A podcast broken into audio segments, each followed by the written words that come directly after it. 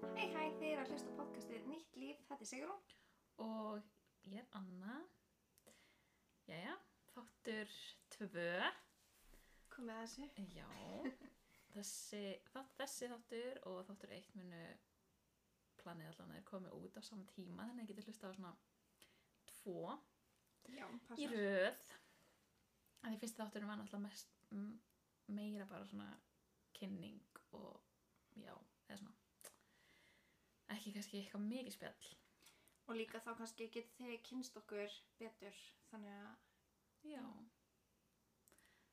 En við ætlum að tala um meðgöngunar okkar í þessum þætti af því að okkur fannst það bara svona mega sens að vera bara með við fyrsta þáttin. já, og góð byrjun bara einhvern veginn svona, Já, bara svona gradually uh, að fara, já, fara þetta bara svona í rétt leið þannig séð. já, já. Þannig verða börnin vist til. Já, ætlaði það ekki. Já. Þannig að, já, það er spurning hvort við höfum bara vinda okkur beint í þetta. Ég held að við höfum ekkert mikið, mikið meira að segja ykkur í byli. Ekki nema að segja eitthvað merkilegt að frétta hjá þér, Sigrún. Nei, ég er bara búin að vera að vinna á hana. Já, mitt. Ég er bara eitthvað, ég fæði einhver alveg og vil eins og allir dagar sé bara sami Alveg eins. dagur. Það er Og- svo leir. já, maður verður svo steiktur, sko. Þannig að, já, maður verður alveg vel steiktur í heilinum stundum þegar maður er í fæðingar alveg heima og maður er alltaf svona, já, já, ég ætla að fara að gera eitthvað, maður langar að fara eitthvað út, en síðan er það bara ótrúlega mikið mission að koma sér út. Má líka bara eitthvað, hvað á ég að gera? Já, svo er það. Það er allir í vinnunni. Trú. En þú veist, það er eins og í dag, ótrúlega gott veður, það er alveg næs að kíkja aðeins út.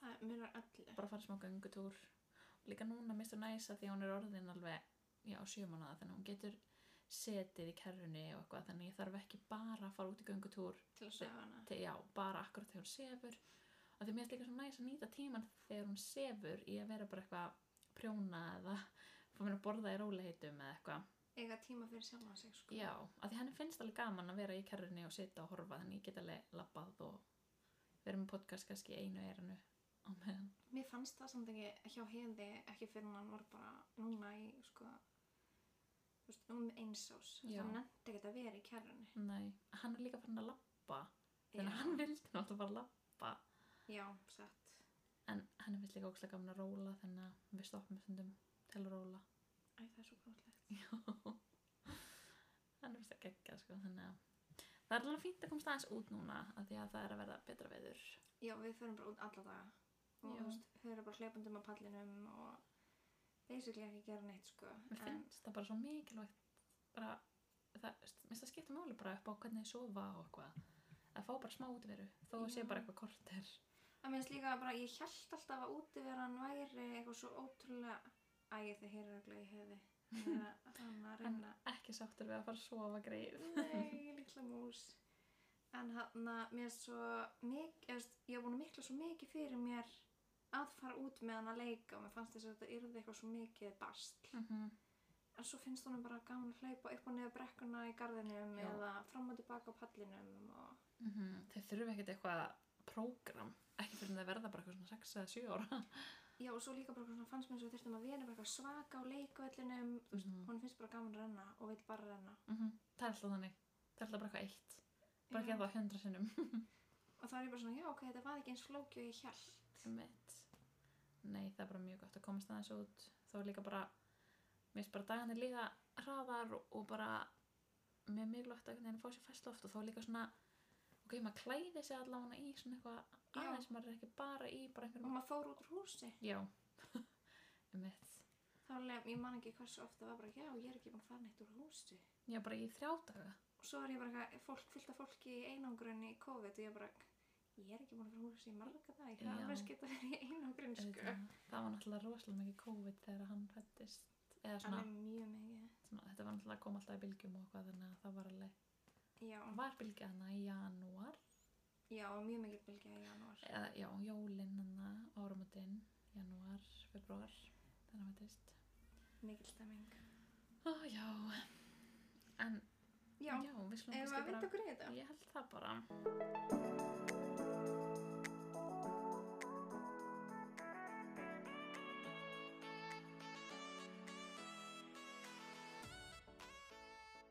ætlum við að vinda okkur í umræðana um meðgöngunar en við skildum við okkur í síðasta þætti þar sem að við fórum báðar í snemmsónar Já, akkurat. Um, sjö undir viku hjá okkur báðum.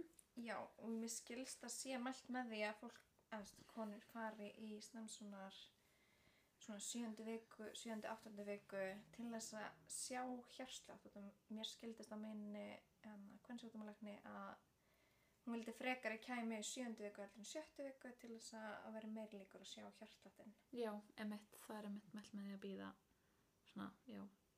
Að því að oft ef það ferð of snemma þá sérst ekki neitt og það er kannski óþarfa stress. Já, ég held að sé bara meiri áhyggjur. Já, heldur en, Og þá þarftu kannski að fara aftur. já, já, ég held það sko. Ég held að þú myndir þá að bóttið alltaf þurfa að fara. Ég held að sé bara klárlega bara örlíðast sem þú getur séð er örgulega sex vikur en Já. það er meira svona örugt við sjö vikur þá, þá ef það er allt í góðu þá ættir að sjá hérslátt þá Einmitt. þannig að, Um, en líka bara, sko kannski, fólk veit ekkert hvað á að gera þegar það verður ólétt. nei einmitt, Ég var bara, og hvað nú? já Ég er búin að pissa á próf og bara, hvað á bara ég að jókartpróf, gera? einmitt en ég menna maður getur þá alltaf hringt á hilsugjæsluna og spurt Já, og þá panta tíma þá í fyrstu skoðun í maðuravendinni og tala við ljósmöður þar og hún getur þá ráðlegt að fara í snemsónar ég menna það er svona kannski ekkert skilda og ekkert eitthvað endilega nausilegt að fara í snemsónar nei, alls ekki. Það hel- er bara val. Já, algjörlega. Ég held að flestar gera það bara út af bara forvitni og bara, Líka til að fá svona staðfestingu. já, akkurat, fá bara svona, þetta er í alvörunni, Já, bara svona, þegar maður sér þetta þá einhvern veginn verður þetta raunverulegt. algjörlega, mér finnst eitthvað svo langt að býða fram á 12 viku. Já, en svo Og líka er bara- líka 12. viku ekki skildur svona. Nei, það er bara 20 sem er skilda. og ég bara, ha, er Já. 12 viku ekki skildu sonar út Já. af því að það er alveg ég held að mjög mikið, mikilvægur sonar sko. Já, akkurat, það sem hann er að kanna allt hvort mm. ég Mhm. lægi með vatni emmitt. En það er bara allt gert í rauninni 20 vikna. Allir svona fæðingagallar eða þannig skoða þannig að, raunverulega þarf maður bara við eitt sonar og pælti ég samt, þú veist, ef fólk er með tvíbura Oh og ferði þá bara í 20 vikna svona og sér það þá. ógvið það væri áfall ég nógu mikið áfall að fá t- eignast tímur En þú væri reyndar því, fattaði núna því ég segi já, þetta. þetta heyri tvo hjarta Já, það væri alltaf búið að heyra tvo hérsletti í maðurönd. Já. En það heyrist kannski ekki, hún heyrir ekki fyrir svona 15-16 vikur í maðuröndinni. Vá, Þannig að það þá er myndir fyrst alveg fatta það þá, langt. Vá. en það myndir ekki fara í snem eða 12 hérna. Þannig að ég held að það sé meitt flesta sem fara í 12, nei, í snem svonar já, og 12 hérna held ég bara allir. Ég hef ekki hert um neitt sem voru ekki í 12 hérna svonar. nei, ég veit ekki um neitt sko Af því að þú vilt geta einhvern veginn sagt frá þá og þá vilt Já. svolítið vita bara að þetta Líka- er og Um hvort Sko. sé alltaf lægi með Já, vatnið og... nákvæmlega hvort það sé að það er alveg eitthvað sem er hægt að sjá í hérna. 12 vekna já, Þú veist. og svo náttúrulega líka getur maður valið um að fara í blóðpröfu sem er hann að litninga já, já, eh, já, einmitt. til að skoða litningana já, algjörlega en það er einmitt það sem eitt sem ég hefst mjög áhugavert því sem maður er að fara í þessa blóðpröfu af hverju getur maður ekki fengið að vita kynið eins og er gert erlendis já, þau geta að fara í blóðpröfu á sko 50 vöku Mhm. til að vita kynið og ég bara þér er augljóslega að skoða þetta af Já. hverju geta ekki bara sagt mér þetta þetta er ekki skoðað samt hér Eða skilur, það Já. þarf að senda út eitthvað sýnið og eitthvað það er svona, já, ok, ég held að sé bara dýrar sko, þar á staðin, þú þarf að senda út í rannsókn og eitthvað, já, en ok það sem er skoðað uh, hjá okkur er hægt að skoða hérna heima þannig að, Þeir en- geta bara bætt þessu við. já, um það væri næs ég veit líka, að ég sá hérna, var að fylgja hérna á einni á Instagram uh, sem býr í bandarækjunum og hún er í svona uh, glasaferli já, og það er búið að búa til tvo fóstuvísa sem er í fristi hjá henni Mhm. og þau vita kynið á fóstuvísunum Já, og þau geta valið Já, kynið. já. Já, þá er raunverulega það sem maður gerir þegar maður kemst að því að maður er ólítur, þá getur þau haft samband við helskessluna og þau leiðbyrna þau náttúrulega í gegnum þetta allt og bóka örgulega tíma bara í hana maðuravend þegar að kemur að því.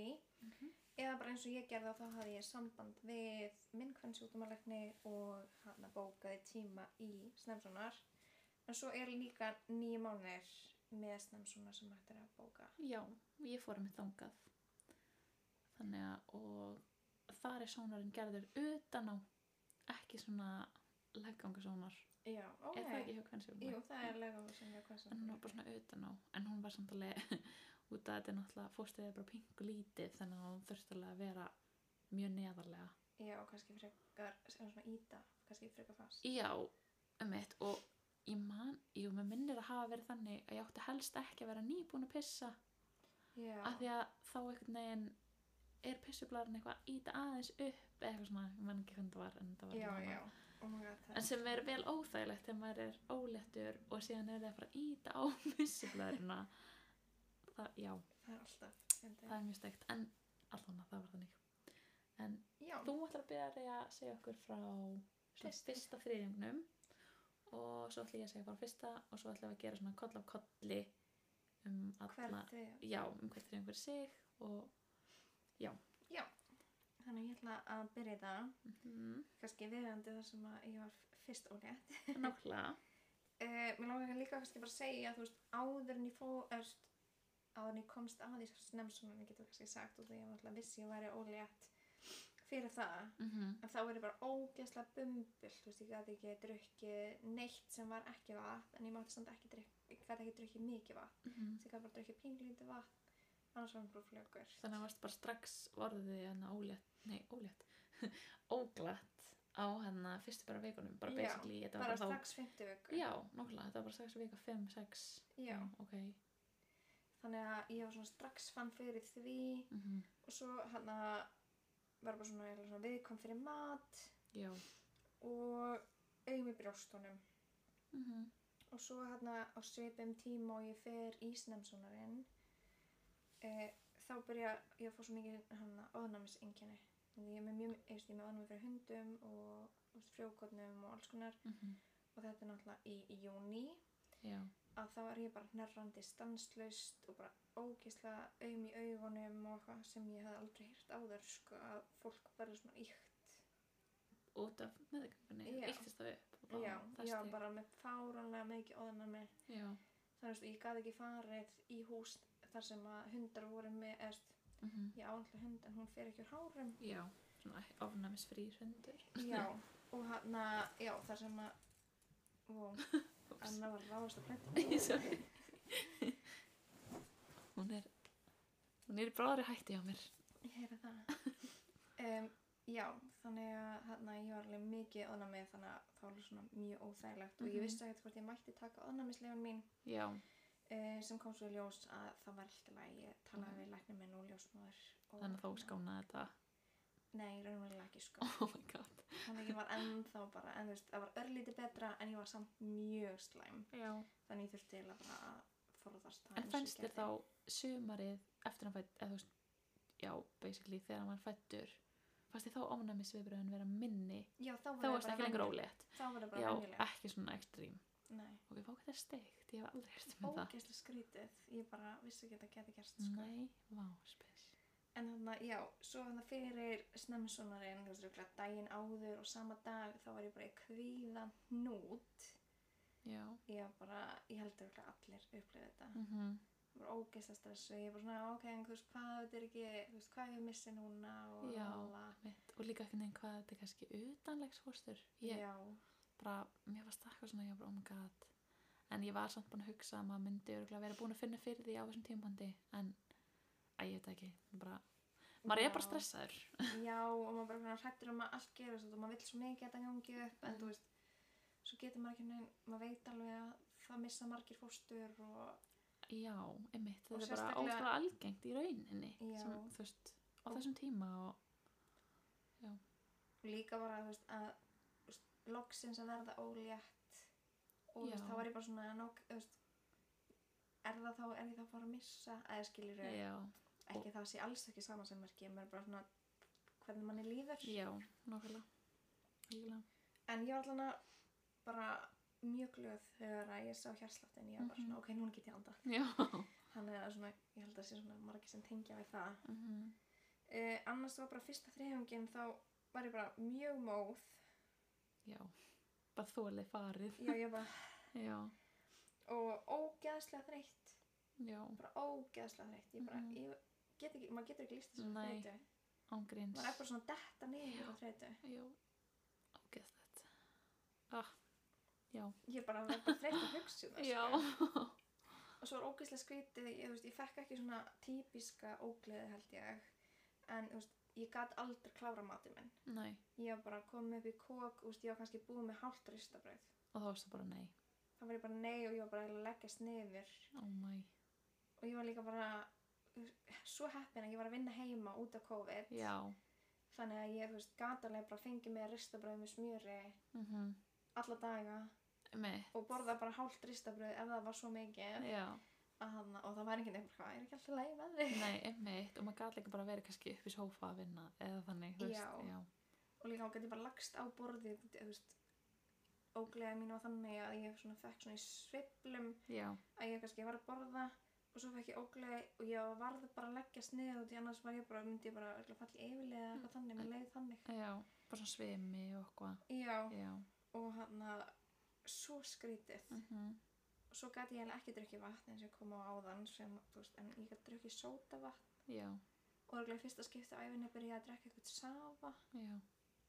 Ma, það var alveg gott að drekka safa á mótnana upp og ná bara blóðsíkurum anmjöla upp. Þá fannst mér ógleðin ekki verið jafn slæm.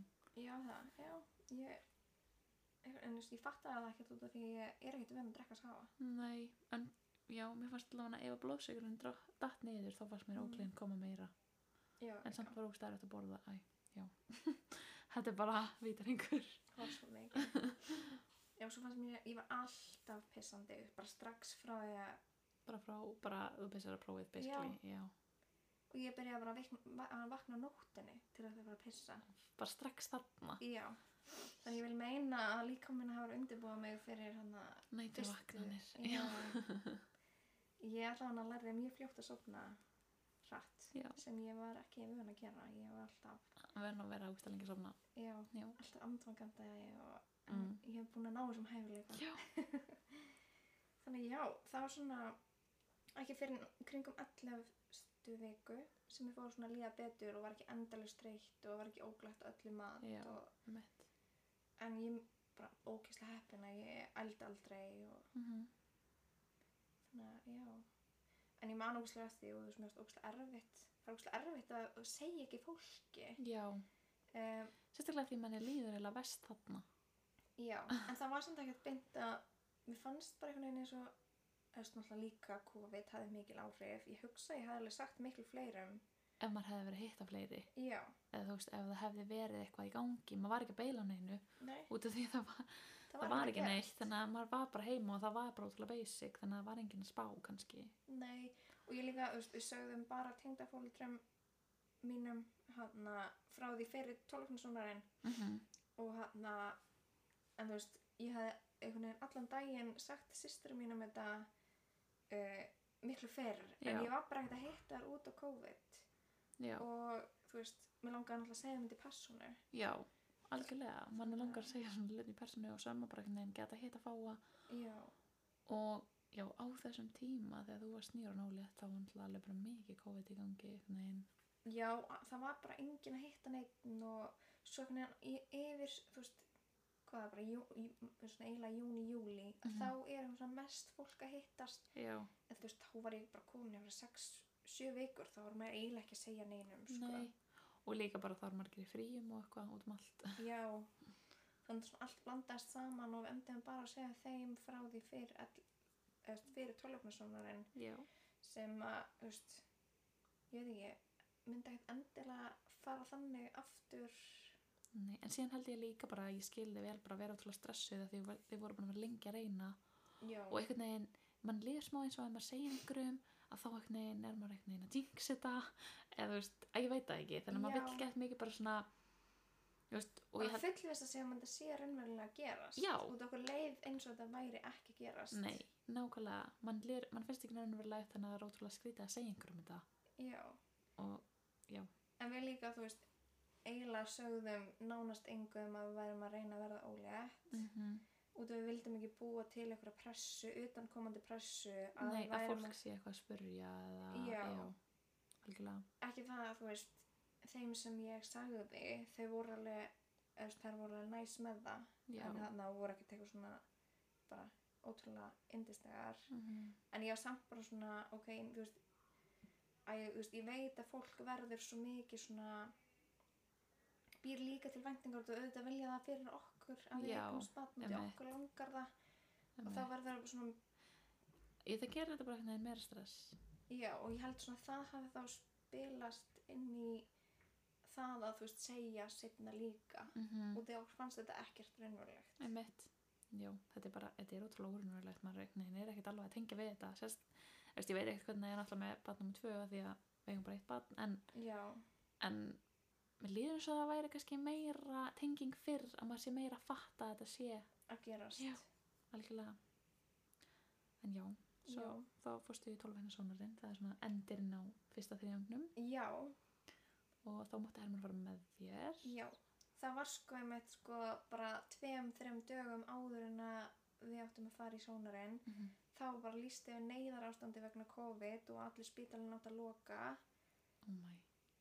og hann að mér ha- minnir að þetta hafi skilur fyrsta skipti sem það hafi bara verið neyðar ástand Já, já, og ég var bara, og hvað þýðir það? já, ógeðslega stressuð það bjó- var svona líka bara ég var ógeðslega stressuð með Harma mætti ekki koma með mér mm og þú veist og hvað má hann þá ekki koma með mér aldrei í sónar eða má hann, al, má hann ekki þú veist, vera með mér í fæðingunni þú veist, ég var alveg komin þangað sko. Já, bara sem að ég skil margar konur voru örgulega bara mjög mikið þar í öllu þessu COVID sérstaklega þannig að þær sem að voru kannski bara frá eiga barn í þú veist, apríl 2020 skilur við bara Já, þegar það kom bara eitthvað lockdown í mars og allt í eitthvað rugl og bara ein- ekkert hægt að vita neitt og Einmitt, og allir ótrúlega stressaðir á þeim tíma þá var eitthvað neginn ekkert verið að gera neginn undanþáur sko já, ekki Þannig að- neitt en það var meira kannski þegar við vorum þá var meira svona kannski að fólk eða þetta var svona aðeins slakara þetta var orðið mikið betra já, algjörlega, með fast það en já, þið voru í sónurinn, þið máttu fara saman já, sem betur fer og Já. þá gekk bara allt ótrúlega vel Já, bara sá, finnst þér ekki skrýta að fara út, þú veist, muna eftir myndinni í snemsónarinnum og fara sín tólveikna. Jú, Það bara- Þetta er bara pingu lítil manneskja versus bara eitthvað punktur já, að það er ótrúlega það var spes. svona býtu, hæ, er krakkið á þeim Já, bara what? Þetta er bara, og svo líka sérst eiginlega ekki á manni þannig að maður er bara svona nei, nákvæmlega, það, sér ekki, það sést ekkert á manni, sko. Maður bara, maður er bara búin að líða illa Já. og er ekki sætur Nei, Einmitt. kúl. einmitt, bara hvað, þetta er ekkert verð, þetta er ekki þess verði, bara hvað er að gerast þérna? Nei, já, einmitt, alltaf þessi verði já, eftir á. já, Æ, já. En einmitt fyrstu fyrstu vikunar hjá mér þá var, já, við tókum prófið eða já, við, ég og vinkunum mínum á sama tíma en já, ég tók hennan prófið, þá var ég sirka svona tæplega fimm vikur með að við, svona Mhm. útreikninga og ég fann eiginlega ekkert þá mér var bara, einmitt eins og þér, bara útrúlega illt í brjóstunum en ég byrjaði ekki að finna neitt ógleð á þeim tíma ég var svona með svona smá tórverki og eitthvað en ekkert eitthvað mikið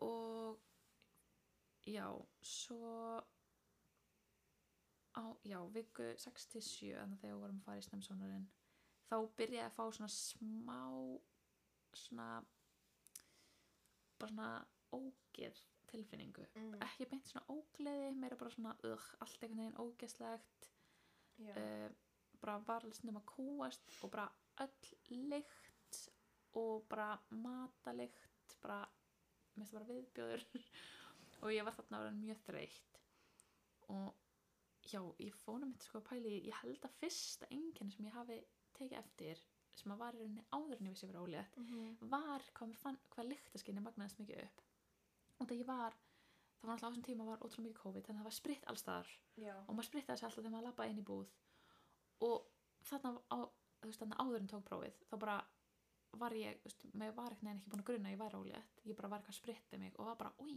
af hverju er ég búin að skipta um spritt þetta er viðbjörslega lykt af þessu spritti og þetta var bara eitthvað sama spritti en ég var bara, úi, bara viðbjörslega sprittlykt og bara kafna já, bara oi bara hvað er að gerast hérna en já þannig þarna fórum við á viku sjö í Stamsonar og þá fórum við til þess að í nýju mánuði og þá var það eiginlega bara já, bara ég vildi vera vissum að hann geti komið með og Mhm. ég einhvern veginn var ekki með neitt hvernig sjúkvæmdum að lækni þannig að ég bara, mér finnst það bara þægilegt maður gæti bara bóka á netinu og eitthvað þannig það að er endur ógæslega þærlega þurfti ekki að vera eitthvað að ringja eða eitthvað svona sk- hugsa eitthvað, á, hvernig ætti ég að ringi eða ringja marga staði eða eitthvað þannig þannig að það var ótrúlega næs en eftir það þá var þá vika 7, 8 og 9 Mm. það var bara verstu vikunar 100% ég var bara ógæslega óglætt, óglætt og ógæslega þreytt og bara leið almennt bara sjúkla illa ég var bara, bara basically veik en ég var einmitt eins og þú að vinna heima og það gerði allt bara tísinu betri, ég hefði ekki getað farið í vinnuna sko, Ég hef með hugsað bara, þú veist, að allar konar þetta bara utanskildar vinnu á þessum fyrstu tíma vikuna. já, þetta er hræðilegt sko og ég, þú veist, ég ældi alveg nokkru sinnum bara oftast á kvöldin en ekki mótnana, þú veist, svona setnipartin Já, mér fannst þetta einhvern veginn og þá ég þurfti basically að vera stanslaust að borða einhvað já, til þess að vera ekki óglatt já, emitt. en ég, hérna já, mamma mín er sanns ljósmóðir og vinnur í maðuravend þannig að hún kann að setja svona nálastungur við ógleði og hún gerði það þú veist, sjúklega þægilegt, ég þurfti ekki að fara neitt hún kom bara heim Ó, það er svo næs. og setti bara nálar og það hjálpaði mjög mikið þannig að hún var bara hún var á þessum tímapunkti að fara að setja eftir bara á hverjum einsta degi Vá, þannig að og það hjálpaði helling þannig að vá, það er alveg gott að vita af því að það sé hægt. Já. Ég er ekkert viss um allir, ég held, mm, sko, mamma sagði allavega að svona flesta ljósmaður kunna að gera þetta hún gerir þetta alveg fyrir sko, uh, þú veist, þetta er í rauninni bara fyrir fyrstu skoðun en þú veist, ef að konur ringja þá geta þær alveg komið að því að þetta tekur einhver stund já, þú já, bara, hún veist, þú bara stingur í og, og síðan bara ertu með þetta í kannski hálftíma skilur já, setur bara á, já, þannig að þú veist, hún í rauninni ef það er lust herbyggi þá getur hún bara skotist gert þetta og svo bara tekið þetta úr já, emitt.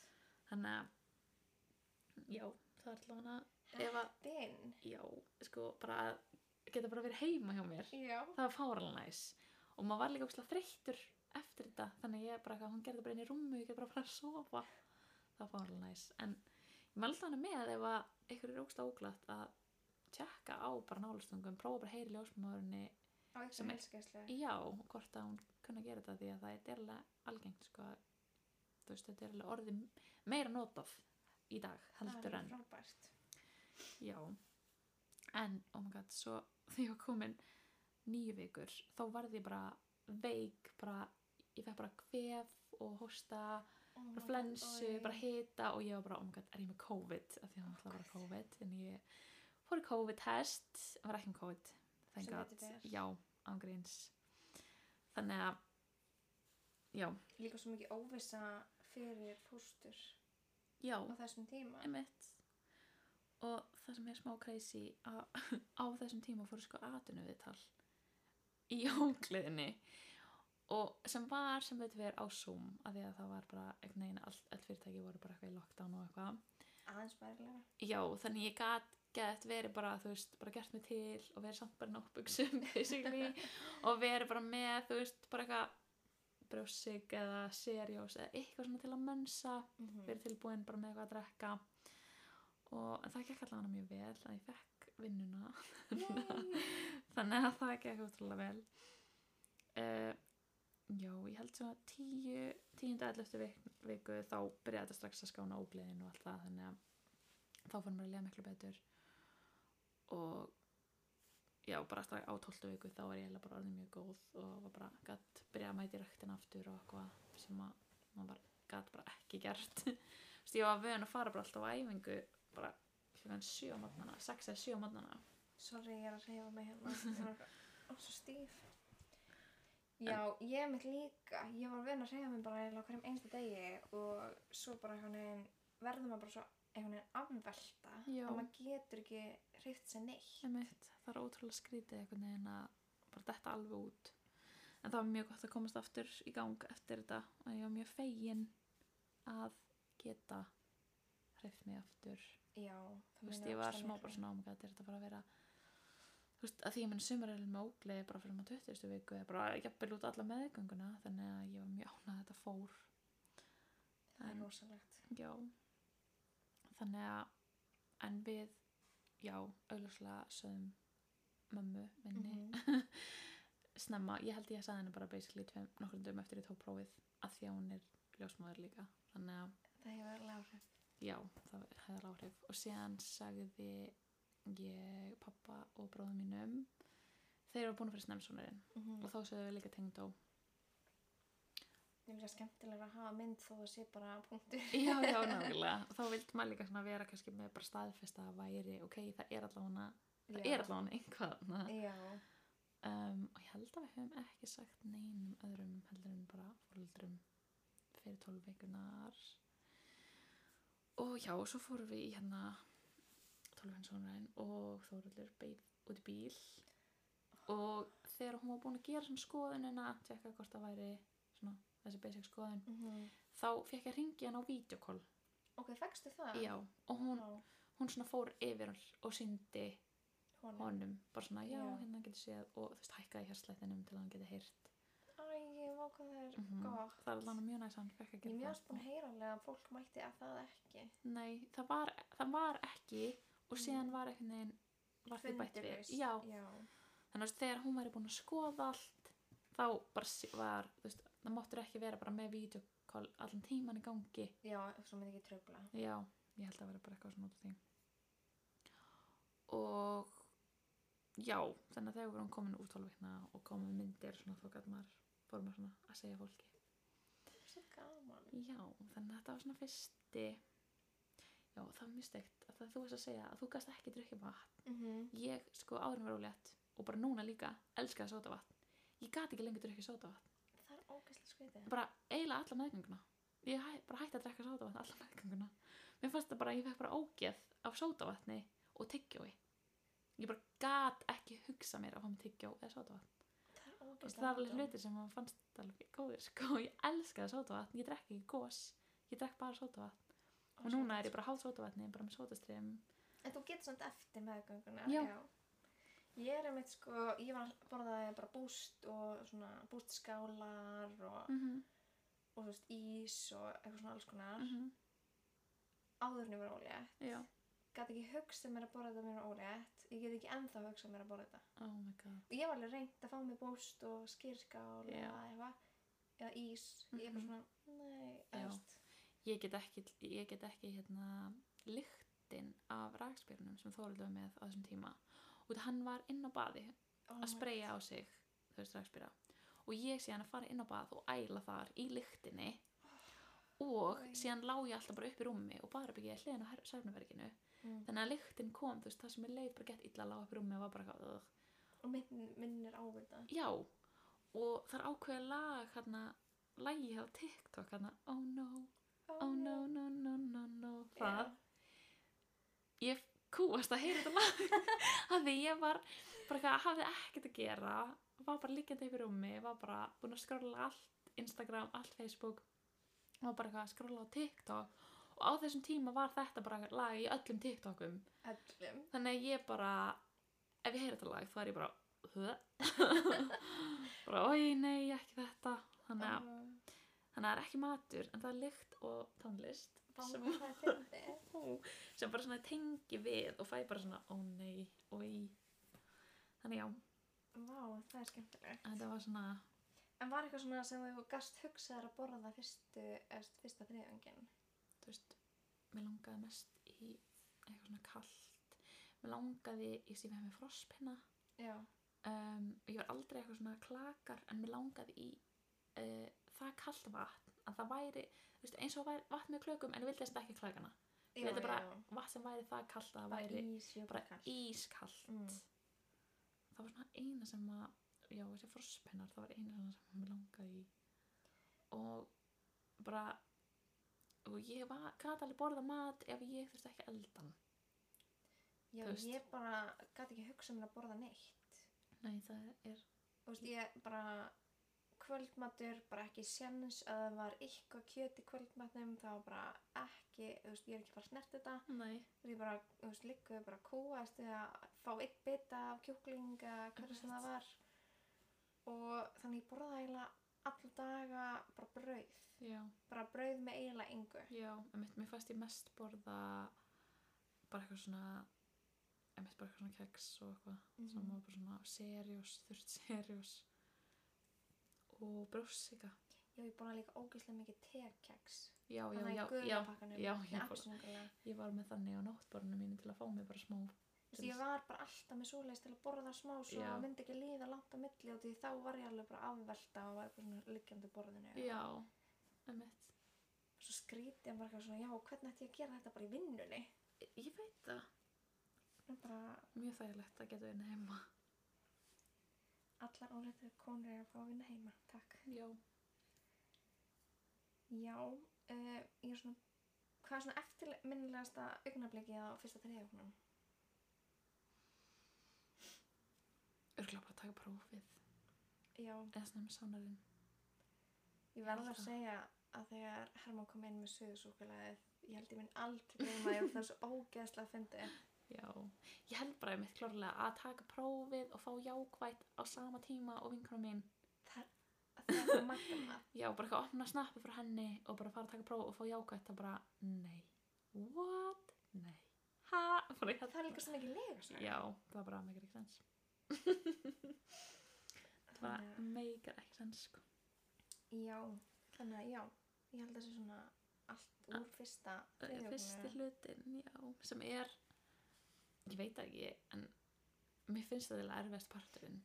já, um Veistu, af því að- Af því að á þessum tíma þá líður þér bara eiginlega vest og stundum er samt segjinastu hlutin líka mjög erfiður, en þá Mhm. sjá allir á sérst ólétt já, og þá er miklu meir skilningur. það er líka og þá... þá- eðlilega að fara í veikindalefi Já, um og þá er oft konur kannski hættir að vinna eða geta allan hætt að vinna mögulega Mhm. en þarna ertu ekkert eitthvað hætt að vinna þú ert ennþá að vinna því séðan er tímubil að fara að koma þar sem þú getur actually Unnið. unnið já, og þarna einhvern veginn veit enginn að þú ert ólétt og það lýr ógslitla og já, misti þetta fannst þetta klálega er vesti parturinn sko og maður getur líka einhvern veginn miklu minna hringt sér inn í veikan já, um mm, já og, þó sé algjörlega og líka bara stressandi tími að því maður er ekki byrjað að finna neina hreyfingar já, þannig að þú ert einhvern veginn, veist ekki neitt, mjög stressandi eða svona, maður getur aldrei fengið svona reassurance að það sé allir góðu já, fyrir maður eiginlega far, fyrir sónar eða fyrir til ljósmör og já, og fara að- að hlusta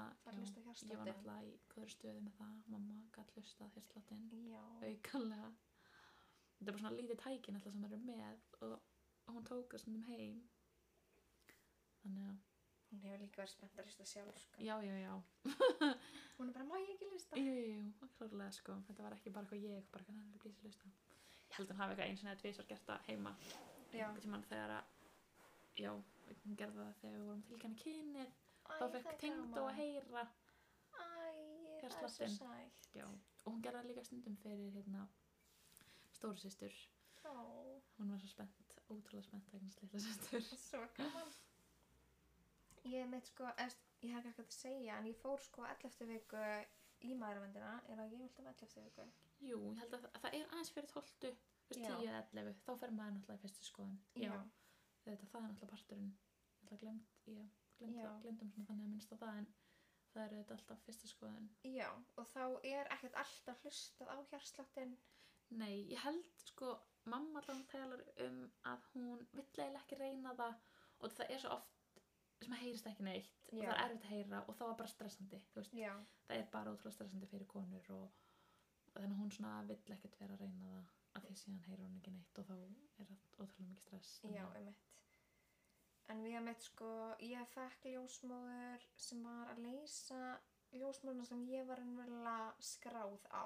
Mhm, þetta var náttúrulega sumafrí þarna og eitthvað Mm. þannig ég fekk hina ljósmóruna og, þarna, og fann bara strax og einhvern veginn ég kom inn að ég bara eitthvað, já ok, ég fíla þig ekki nei, og hann að eðla átti ég að fara aftur til hinnar ljósmóruna en þú veist ég hefði alveg getað valið að vera hjá þessari já en ég valdi að vera bara hjá hinni mhm, og ég var alveg svona ok, þú veist, ég vissi fyrirfram að maður get, má skipta um ljósmóður Já, að mitt það er mjög mikilvægt að þau bara, bara bæði í fæðingunni og Á meðgöngu. maðuravend bara með velja ekki ljósmaður, þær eru ekki fara móðgast.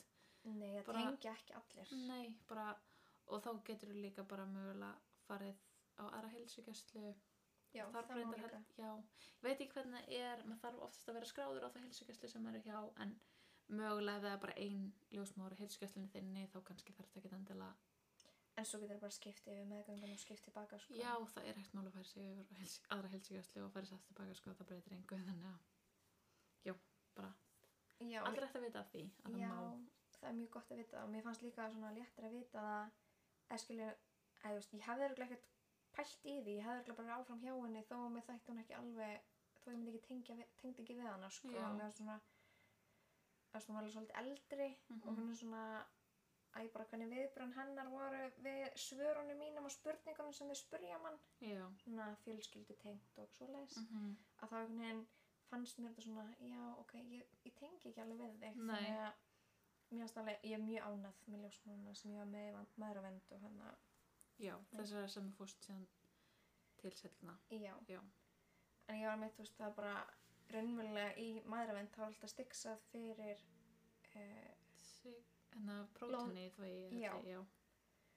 eða, jú, já, þessi, þannig að maður þarf að pissa og taka hann að Mhm, test já, í hverjum tíma þannig að bara fínt að vita það að maður eigi að byrja að pissa já, um, ég varst pínu óþægild að vita það ekki og ég var bara eitthvað oh, ég, veist, ég hafði ekki verið bú, nýbúin að pissa á hann ég mætti já, emitt, en þú veist, það var allt í góðu sko. já, þannig að já, og svo líka, þú veist, þú mátt alveg hvað segir ég um, byggja um að láta ekki vikta þig já, emitt, og eða bara, eða ekki horfa á já, þá já, ekki að sjá tölunar ef Já, þú ert einmitt. eitthvað fyrir því já, emitt, stundum vilja er kannski fylgjast með bara upp á að það sé all, barnið sé að þingjast, já, þannig að ef þið langar ekki að sjá þingdina þá máttu bara snúa öfugt bara, og, og já, bara klárlega bara, ta, bara segja allt sem að þú þú veist, ég myndi ekki reyna að fela eitthvað fyrir ljósmárin eða þið líður eitthvað og þæla með eitthvað það er, alveg flestar eru allar að vilja gera þar til þess að og ef ykkur finnst að þið geti ekki leita til ljósmunna skiptu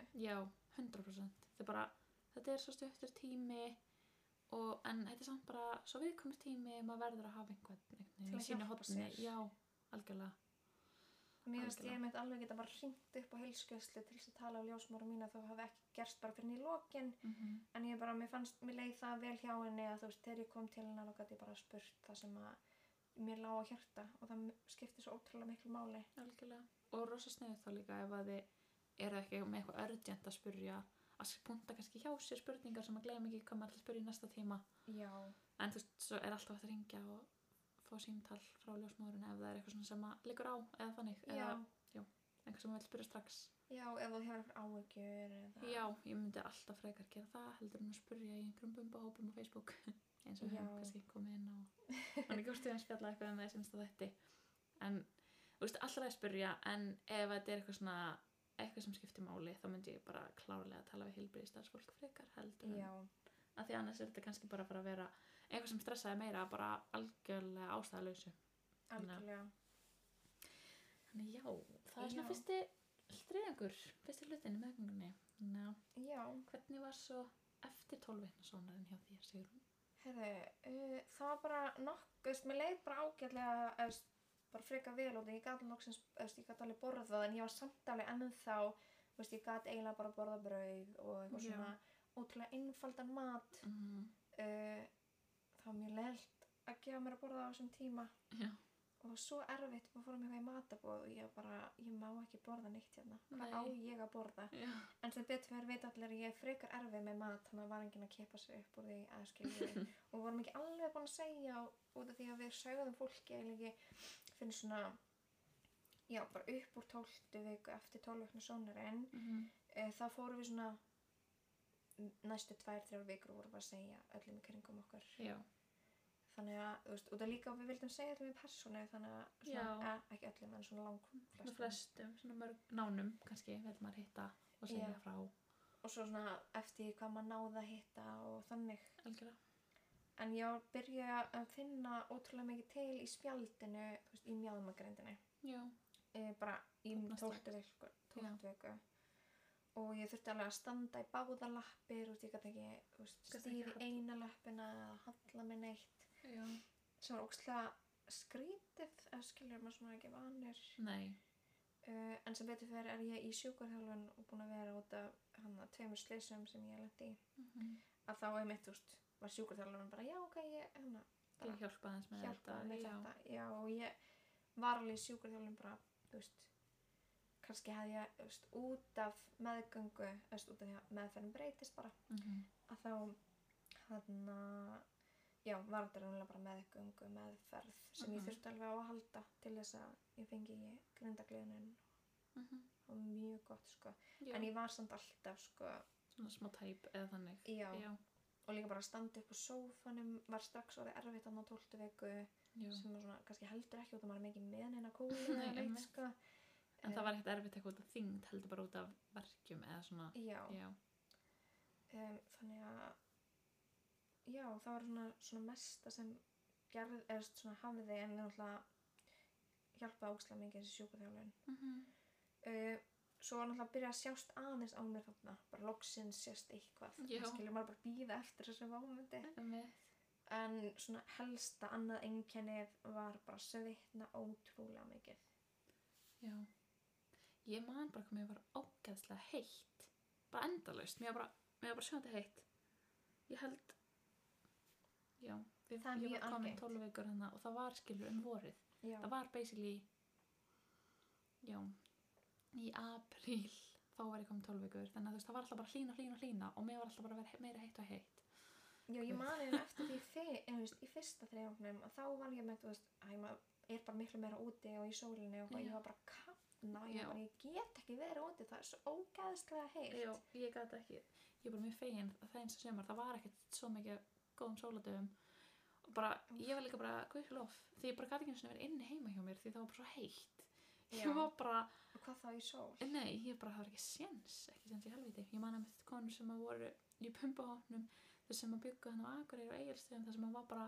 bongo allt sumarið þær voru Mhm. bara dying, mm, það, ég, trúi því. ég held líka bara allar konur upplega þetta já, bara þú ert líka bara með mannesku inni þér að hita þig upp En mér var samt ekkert eitthvað brjálislega heitt að bara í sólinni þá var ég bara eitthvað "Ah." já, um mitt Hann er mitt hann að í hann að ég fekk ammælisgjöf dúnúlpu frá Hermanni mm og þá ætla bara af hverju varst að gefa henni dúnúlpu en hún ætti að kapna í vetur í mér, þú veist, ég var ekkert að kapna sko mér leiði bara fint sko Já. en kannski út af mér er alltaf kalt venjulega já, en mér leiði kannski út í manna núna að svona skrítið þar sem ég tók eftir að meðgöngunni verður mér alltaf kalt á bumbunni þú veist, neðst á bumbunni og það, þú veist, þegar maður er óleitt þá heldur maður alltaf á við bumbuna já Ég Og var tók hún bara köld? alltaf ísköld og ég spurði ljósmanum mínu dótuna og hún bara ekki, ég hef aldrei hýrt þetta áður Nei, ég tengi ekki við þetta. Ég man ekki eftir þessu allavega. Já, mér fannst þetta bara svo áhugavert að ég var alltaf bara ís í okkur köld á bumbunni en hvað er ekki annars það? Nei, what? Svo steikt ég Já. bara varð að nefna þetta og þetta var svo ókíslega fyrirlegt Já. En já, það reynverulega gerist ótrúlega lítið þannig nema ég fer að- þannig að sjást meira á mér og mm Mhm. við, við ákveðum að fara í kynjasónar Já, hún var hjá nýjum mánuðum. Já, Já. það var bara geðveikt Mhm. sko. uh, Það er líka alveg skemmtilegt, þú veist, svona að sjá meira að þau eru ekkert einhvern veginn.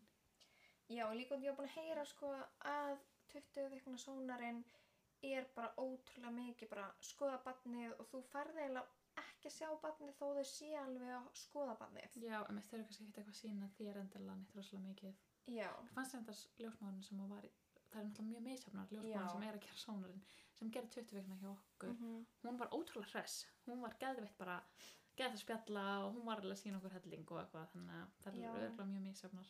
En svo sem að ég fór í 12 vikna hjá, hún var miklu meira bara svona, já, komið, eða þú veist. já, mér Þannig varst að- eiginlega bæði skiptin þannig hjá mér sko. Já, En eins, eins og í 20 vikna þá var þetta bara eitthvað svona, ég var búin að heyra að þetta geti tekið ókslega langan tíma, þannig að mm Mhm. -hmm. undirbúin fyrir það og þetta væri svona mjög þetta er ítarlega alveg stór, skoðin. já, Við vorum sko 5 mínútur. það er ótrúlega steikt.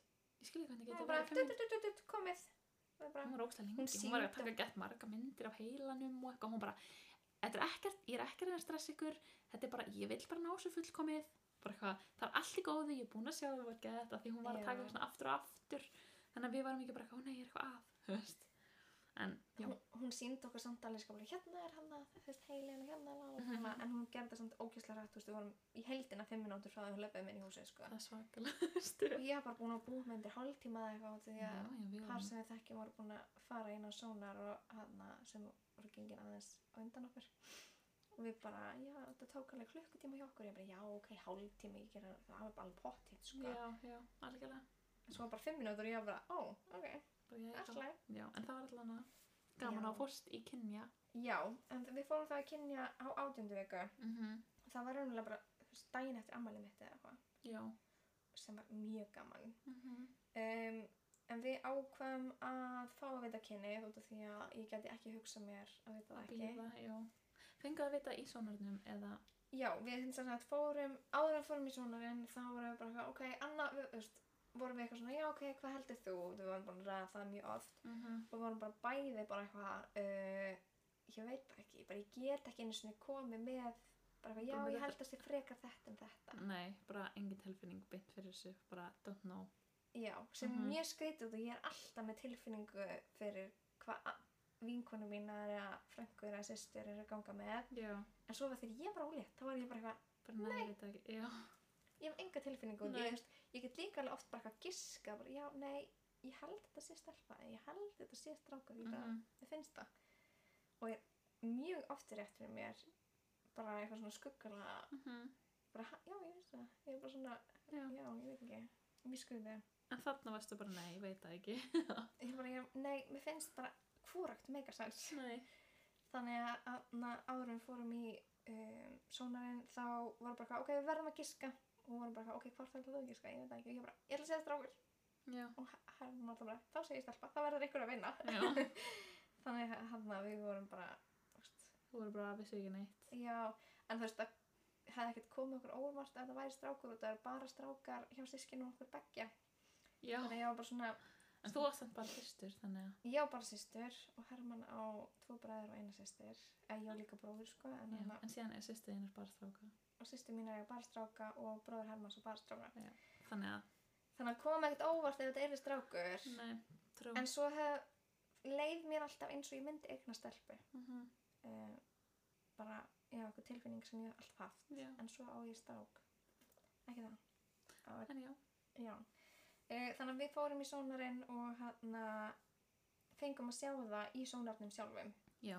Hún spurði hvort að við vildum Vita að þar. vita já. þar eða fá að miða Mhm. og við vorum búin að ákveða að við ætlaðum að fá að sjá það Já. út af því að fyrst að við værum að fara inn á sónar þá langaði okkur ekki að einhvern veginn fá að vita kennið Já. og svo bara fengum við ekki að sjá skilur Já. allt Nei, líka bara, mér langaði bara að sjá til að vera 100% viss um að þetta Já. væri bara þetta rétt. Bara Einmitt. að fá að sjá bara af hverju heldur þetta sé þetta kyn. Já, og líka mér var svo gaman, þú veist, hún hann stilti upp sónarnum og bara eitthvað, já, sjáu, þið sjáu það hérna hvað kynnið er og Mhm. leifiði okkur að giska áður en hún var bara eitthvað, já, þetta er strákur. Já, hún leiði okkur líka um hvað heldur þið? Mér fannst það svo ótrúlega dýrmætt Mhm. Já, og líka þá gæti hún alveg, þú veist, þá var hún ekkert eitthvað að fela þegar hún var að skoða og mm -hmm. gastu séð það? já, já, það var mjög auglust, Já, sko. einmitt, ég held að það sem er mjög augljóst með stráka. Það er bara Ég var sest- líka alveg bara svona, þú veist, ég held að þessi strákur, Já, en þú veist, ég sagði það ekki, ég bara, nei, ég veit það ekki. nei, en svo bara svona, jú, það er augljóst. Og því var líka bara, gæti þetta verið naflaströngurinn? Og ég Já, sé hvort maður- maður sæði hann. ég er svo sko. eftir að lesa úr þessu, það er ekki hægt. Það er Ég ekki skil ekki hvernig það er hægt. Þannig að já, mér varst það mjög gaman. Og svo hann heldur við svona, Sóla eitthvað gera sér líklega til að vilja fara úr herrbínu, eða hérna. Uh, já, þannig að við heldum uh, kynja veistlu og sem er kannski frekar svona umdilt. En mér fannst það bara svona góð leið til að fagna Já, bara, barninu, það er bara óléttunni. gaman og, já, Já, það er eitthvað sem er ekkert eitthvað svona Æ, já, þú veist það er ekkert eitthvað svona ég, við erum ólétt en Nei. skilur sem maður heldur sjálfur Nei, emitt, bara babysjárið og það Já. er oftast það var í alveg lók Surprise. meðgöngunar Já, emitt, og maður kannar færa að bjóða sjálfur já, en við sem sagt þá náttúrulega byllandi COVID þannig að við bjögum til skafmiða fyrir fjölskyldunars Hermanns Mhm. og svo fyrir uh, systur mín er þá hann sprengtum við blöðru Já, já. á Zoom Mm -hmm. þannig að við vorum að bæða á Zoom þannig að þú veist, þau fengu að skafa og hinn fengu blöðru já. og það var ógstlega gaman sko Mm -hmm. Ég hann myndi klálega að gefa þetta aftur með að kannski bara fá fólki til okkar. já, það er skemmtilega En ég meina Já, þannig að þú veist, ég ætla að mæli með því, mér finnst það ógslag gaman. mm -hmm. Mér finnst líka gaman einhvern veginn loksins þegar ég vissi að það væri strákur. Líka út, í ég hafði enga tilfinningu fyrir því að það var svona, já, ok, núna get ég að fara að hugsa um nafn. Já, emitt Og það mér fannst ég ekki geta að hugsa um nafn, Nei, ekki vera með bæði einhvern veginn Nei, líka út af því að ég bara, við vorum bara með stelpunöfn. Jú. Ó, hvað er Það var ekki neitt strákanafn á lista hjá okkur sem við vorum eitthvað, sammála sammála. um. Nei. Þá farið þið bara geimi starfsmennafnin og all in í já, að leita einhver stráknafni. þannig að það var mjög gott að vita. Mm En Svo á 19. viku fann ég loksins reyfingar. Já. Það var Svo svo crazy. dýrmætt, sko. Já. En ég hefði ekkert vitað að þetta væri reyfingar nema út af því að hann stelpaði vinnunum minni. Mm -hmm. Hún bara, eitthvað, já, ertu búin að finna reyfingar? Og ég bara, nei. Hún bara, já, þetta er svona eins og litla loftbólur. Og ég Já. bara, vá, ef ég hefði ekki vitað það, þá hefði ég bara verið eitthvað, hvað er þetta? Já. Og þetta var alveg svo þetta er svo litla- lítið, eitthvað Já. fyrst, já. Og svo er þetta svona einhvern veginn ekki inn í þér en samt ekki, efst, já, Mhm. þetta er mjög skrítið. Alveg, já. Maður getur eiginlega ekki líst þessu. Nei, þetta er ótrúlega steikt. Þetta er eitthvað svona, mér fannst þessu var bara eitthvað svona feðrildi eða eitthvað. Já, Var eitthvað svona tr- kýll. ógæst skrítið. Akkurat. Já. Já. já. Svo voru því Tötu Vinnarssonar, þú vorum nú búin að tala um það. já. Og það bara gekk ótrúlega vel og Já. Herman fekk að koma með mér í hann mm þannig að það minnaði ótrúlega miklu svo er þessar vikur einhvern veginn svona, það er svona er svona blandast alltaf saman já, þú veist, á þessum tíma það er einhvern veginn ekkert svona, þú veist, eftir 20. sónarinn, mm -hmm. það er svona jú, kúlun er bara stækka á fullu og það er samt ekkert eitthvað svona stórt milestone já, Nei. hreyfingarna vera kröftugri já, um eitt, þú veist, þau eru búin að fara í þú veist, það er einhvern veginn svona, og í 12 veginn sónar síðan fara maður að vita kynið, mm það er svona skemmtilegt síðan 20 veginn og síðan svona þanga til að þetta fer einhvern veginn svona síðan á lokin, þá er þetta einhvern veginn bara svona já, að kúlan stækkar, meiri kreyfingar maður verður svona aðeins þreyttari kannski og- en ekkert eitthvað svona stórt merkilegt nei, Þetta er- ekki beint sko. en ég ætla annað sorry að það heyri í nákvæmna hundunum um, við vorum hann já, þú veist, bara eftir 20 ekkurna svona þá var hreyfingarna að vera enda kröftugri mm -hmm. og ég byrjaði að vera aftur rosalega buguð í spjaldinu og grindinni og hann meiri þingleika bætist við og svona Já, og þá Mhm. hann að byrja ég að gera jó, meðgöngu jóka heima já, og hann var þá að nota appið Prenatal frá Down Dog uh, það var eitthvað frítt fyrstu sjö dagarnir eða eitthvað Mhm. og svo, þú veist, borgaði ég eitthvað pínlítið fyrir, þú veist, ársgjald já, en ég ákveði mitt að fara, þú veist, út af því að mér langaði ekki að fara í meðgöngu jóka eitthvað staðar það var líka svo mikið COVID eða þannig á þessum tíma svo mikið COVID þannig að ég það var bara- önnur bylgja að byrja í oktober Já, 2000, 20, já, 2020 já, þannig að var önnur bylgja 2 þannig að það allir heldur þetta verið búið nei, einmitt þannig að ég, þú veist, einhvern veginn bara mér langaði ótrúlega mikið að fyrir meðgöngu jóka hjá henni auði og ég hafði heyrt að það væri ótrúlega uh, bara mm gaman já, ég fann allir til hennar fannst þið það ekki bara ótrúlega það var næs ekki ekki já en þú veist, fyrir þá sem kannski vilja bara vera heima að þá fannst mér þetta ó, ótrúlega næs já, þetta app er ótrúlega næs og maður getur stilt ótrúlega mikið bara, þú veist, ef maður getur ekki staðið þá bara stillur það Mhm. bara ég get ekki staðið og ég bara, ég vil bara gera tegja núna eða skilur þannig að þetta er bara og líka bara, þú veist, allt frá 5 minútum upp í sko klukkutíma 90 mínútur já, þannig að það er svona, ó, mér fannst það ótrúlega gott og ég gerði það bara hverjum einasta degi eiginlega það sem eftir á meðgöngunni mm -hmm. og fann alveg mikinn mun á mér eftir að hafa eftir, bara svona út að ég smá var í því. hreyfing já, já, það muna ótrúlega miklu og líka þú veist, þetta er svona þú veist, það er náttúrulega fyrir meðgöngu þannig að þú veist, það stilli bara hversu hvernig þú ert líkamlega já, algjörlega En þarna á 24. viku þá er ég loksins komið með kúlu. já, það verður svona almennilega kúla einhvern veginn, fyrst Já. er þetta bara svona svona lít, einhvern veginn og svo er hún alltaf einhvern veginn farin á mótnana og svona starri á kvöldin og svona, maður er bara svona smá eins og maður hafa bara einhvern veginn smá fitnað bara svona Já. allt í nætt fötum gett þröng og eitthvað Og passar Svona- ekki neitt og allt er ógslag aðstofnald á manni. já, kúlan poppar einhvern veginn ekki svona almennilega út fyrir á þessum tíma Já, Þannig að það- loksins. já, En við hefum eitt vorum þarna að byrja að kaupa svona stóru hlutina. Uh, já, byrja að preppa fyrir Preppa fyrir baby. mm, byrja að kaupa eitthvað svona Já, ég kefti... Líka gott að dreifi svo aðeins, þetta er alveg mikil kostnaður. Já, en svo ég ætlaði að gera það, en ég kefti þetta svo alltaf saman tíma.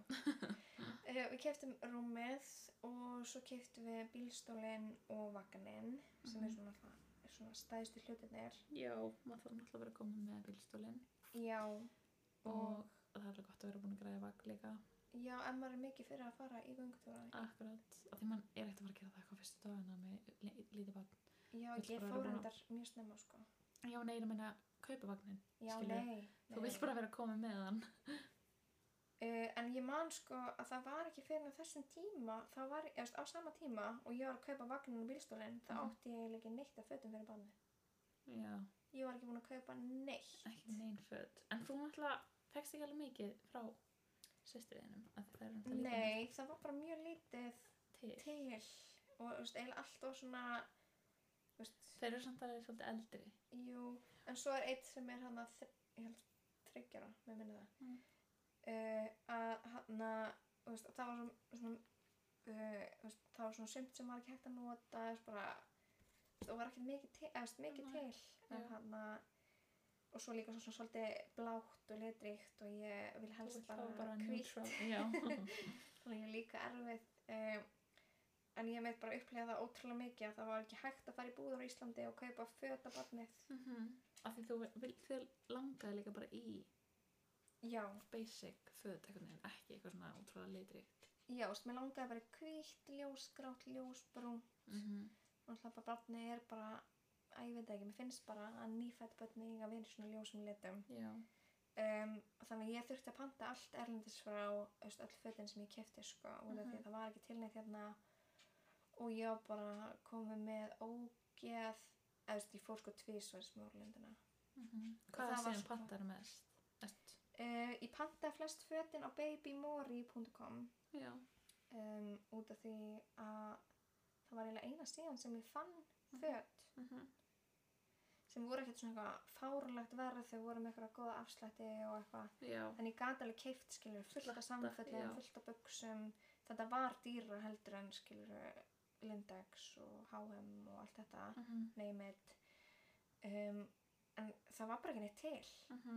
Þú veist, þetta var bara annarkot allir að fá föt eða að borga aðeins meira fyrir þau já, og þú veist, svo sem líka erfiðar að vesla á stráka miklu minna til þannig að þannig að það hjálpar heldur ekki maður finnst Nei. það svo skrítið að það sé líka þegar það er svona pingu ponsilítur já, Mm. það leikar ekki sens mitt þannig að ég einhvern veginn kefti allt á sama tíma og einhvern veginn kefti samt ekkert um mjög mikið nei, en það er svo ógislega gaman að skoða þessi ungbarnafett já, gaman að vesla svo gaman þannig að ég var einhverjulega þannig sé tilbúin fyrir barnið á 2004 viku já, og það er svona þá sem að eða er það ekki, er ekki talað um frá 2005. viku, þá byrjar þriði jú þriðingurinn, mm já, þannig að þá kannski segi ég frá mínum já öðrum þriðungi bindu, ég er með þetta En það er hérna. svo merkilegt samt, þú veist, hvað fólk byrjar mismunandi að preppa fyrir barnið, þú veist, sumir eru bara nýp orðnir óleittir að kaupa,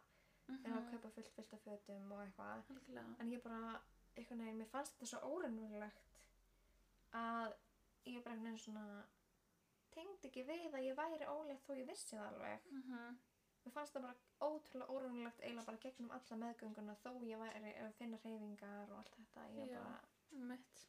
þannig að mér fannst það erfitt að vera að kaupa fyrir eitthvað barn sem ég fendist þannig sé ekki vera að koma. Nei, ég skil þig. Ég skil þig vel, sko. En, já, byrðu nú við. Ok, já, við, eftir tólfinsónarinn þá náttúrulega var maður komið með svona mynd og svona. Mhm. Þá fórum við að segja fólki og ég var svona að reyna að segja öllum í personu eins og þú bara svona að maður vilja segja flestum í personu. Já, það er skemmtilega. Það er það. Og svo sögðu við krökkunum Ó, að já.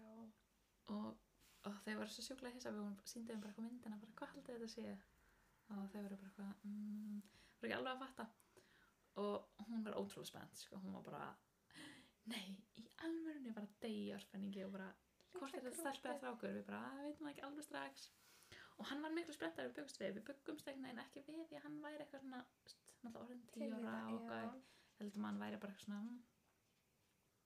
þannig að við held, en hann var allan bara eitthvað svona já ok, já, var alveg spenntur sko þannig að, já, það var mjög gaman og svo, já þannig að 13 14, 15, 16 bara, bara mjög svona góð tími, mér leið bara Mhm. ótrúlega vel bara svona smá, emitt þess að við tala um bara svona aðeins bumba en samt einhvern veginn ekki það mikið maður bara svona ótrúlega erfitt að finna föt sem ég passaði í Það er ógeðslega næs að og fá sér, þú veist, meðgöngu, leggings eða buksur Já. á þessum tíma. já, ég kefti mér að mitt leggings og þá getur maður bara verið í einhverjum svona síðum peysum og eitthvað að því að þú passaði einhvern veginn samt ekki í þú veist gamlar leggings sem voru ógstlega þröngar yfir magan og eitthvað Já, líka svo óþælt yfir magan. Já, mér langaði líka að vera fín út af að ég, var, að- ég byrjaði í nýju vinnu minni á þessum tíma Já, og en það var alveg max COVID í gangi þannig þannig að Einmitt. það voru bara mjög fáir að mæta í vinnuna Hm, en mér langaði samt bara einhvern veginn að vera í fínu fötum já, ekki bara eitthvað í joggingalla nei, emitt.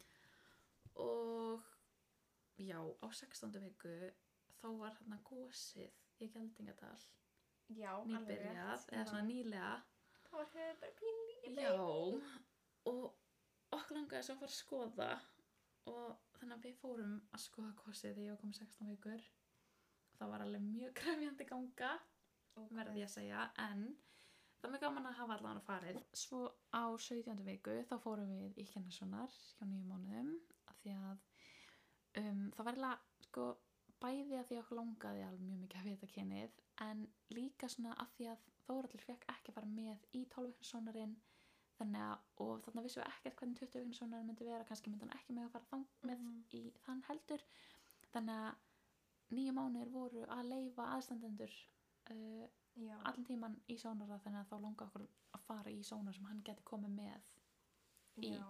Ógeðslega leðilegt að kannski fá ekki bara neitt. já, nefnilega þannig að uh, já, við fórum og við vildum bara fá að sjá kynið í sónarnum og ég var sko búin að vera allan tíman bara um að vissum þetta væri strákur ég veit ekki hverju, ég var bara svona já, ég menn pott, þetta er pottið strákur og Þórhildur var allan tíman bara að þetta er stelpa og já, þannig að hún gerði mig svona sama eins og hjá ykkur bara þú veist, eitthvað, já, hvað, ég sé þetta hérna hvað haldið þið og Þórhildur bara, hann sá ekki neitt, hann sagði bara ég held stelpa og hún bara, já, það er rétt og ég bara eitthvað, ok en ég var samt, mér var samt grunað því hún var, þú veist, að skoða af því að hérna ég sá ekki neitt og Já, þú veist, það já. er oft sem maður sér, þú veist, eins og þú sagðir skilur, sérst svo ábrendi ef það er pungur bara Já, emitt.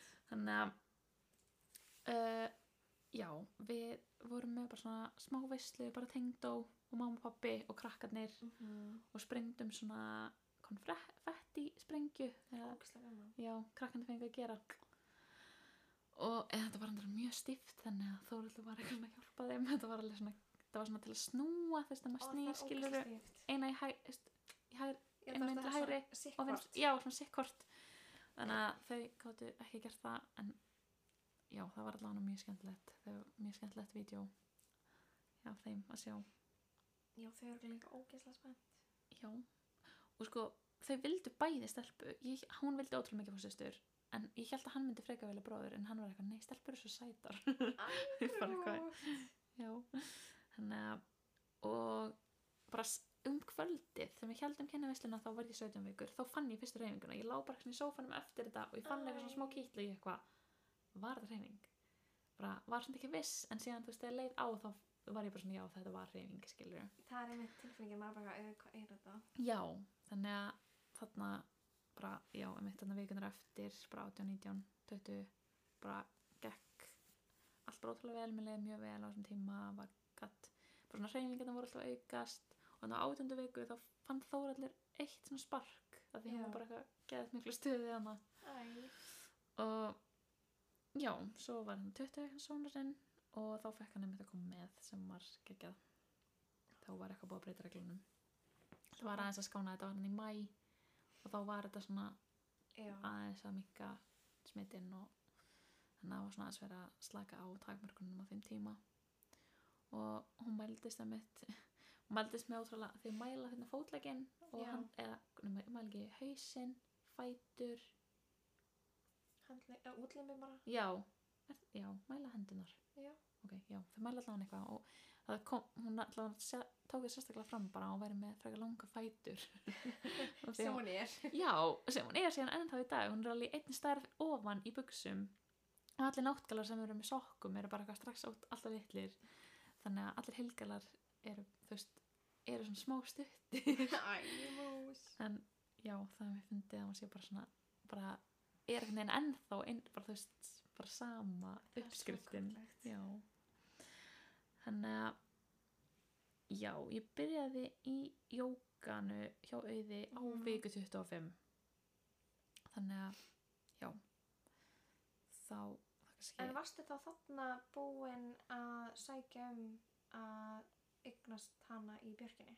herru já, það er náttúrulega á viku 20 nei, byrju Var það Bíddu, ekki bíddu. fyrir? Jú, það er mikið fyrr. Ég held ég hafi bara eftir 12 viku, Já, þá sendi ég þeim tölvupóst. Einmitt. Út af því að ég veit ekki, kannski hafa ekki allir heyrt um björkina, en það er svona fæðingastofa um, sem er, eða já, fæðingastofa, fæðingaheimili.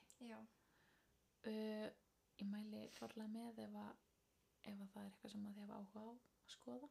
Það er um, í rauninni engin, þú veist, ekki eins og að fæða upp á spítala, það er bara ljósmaður.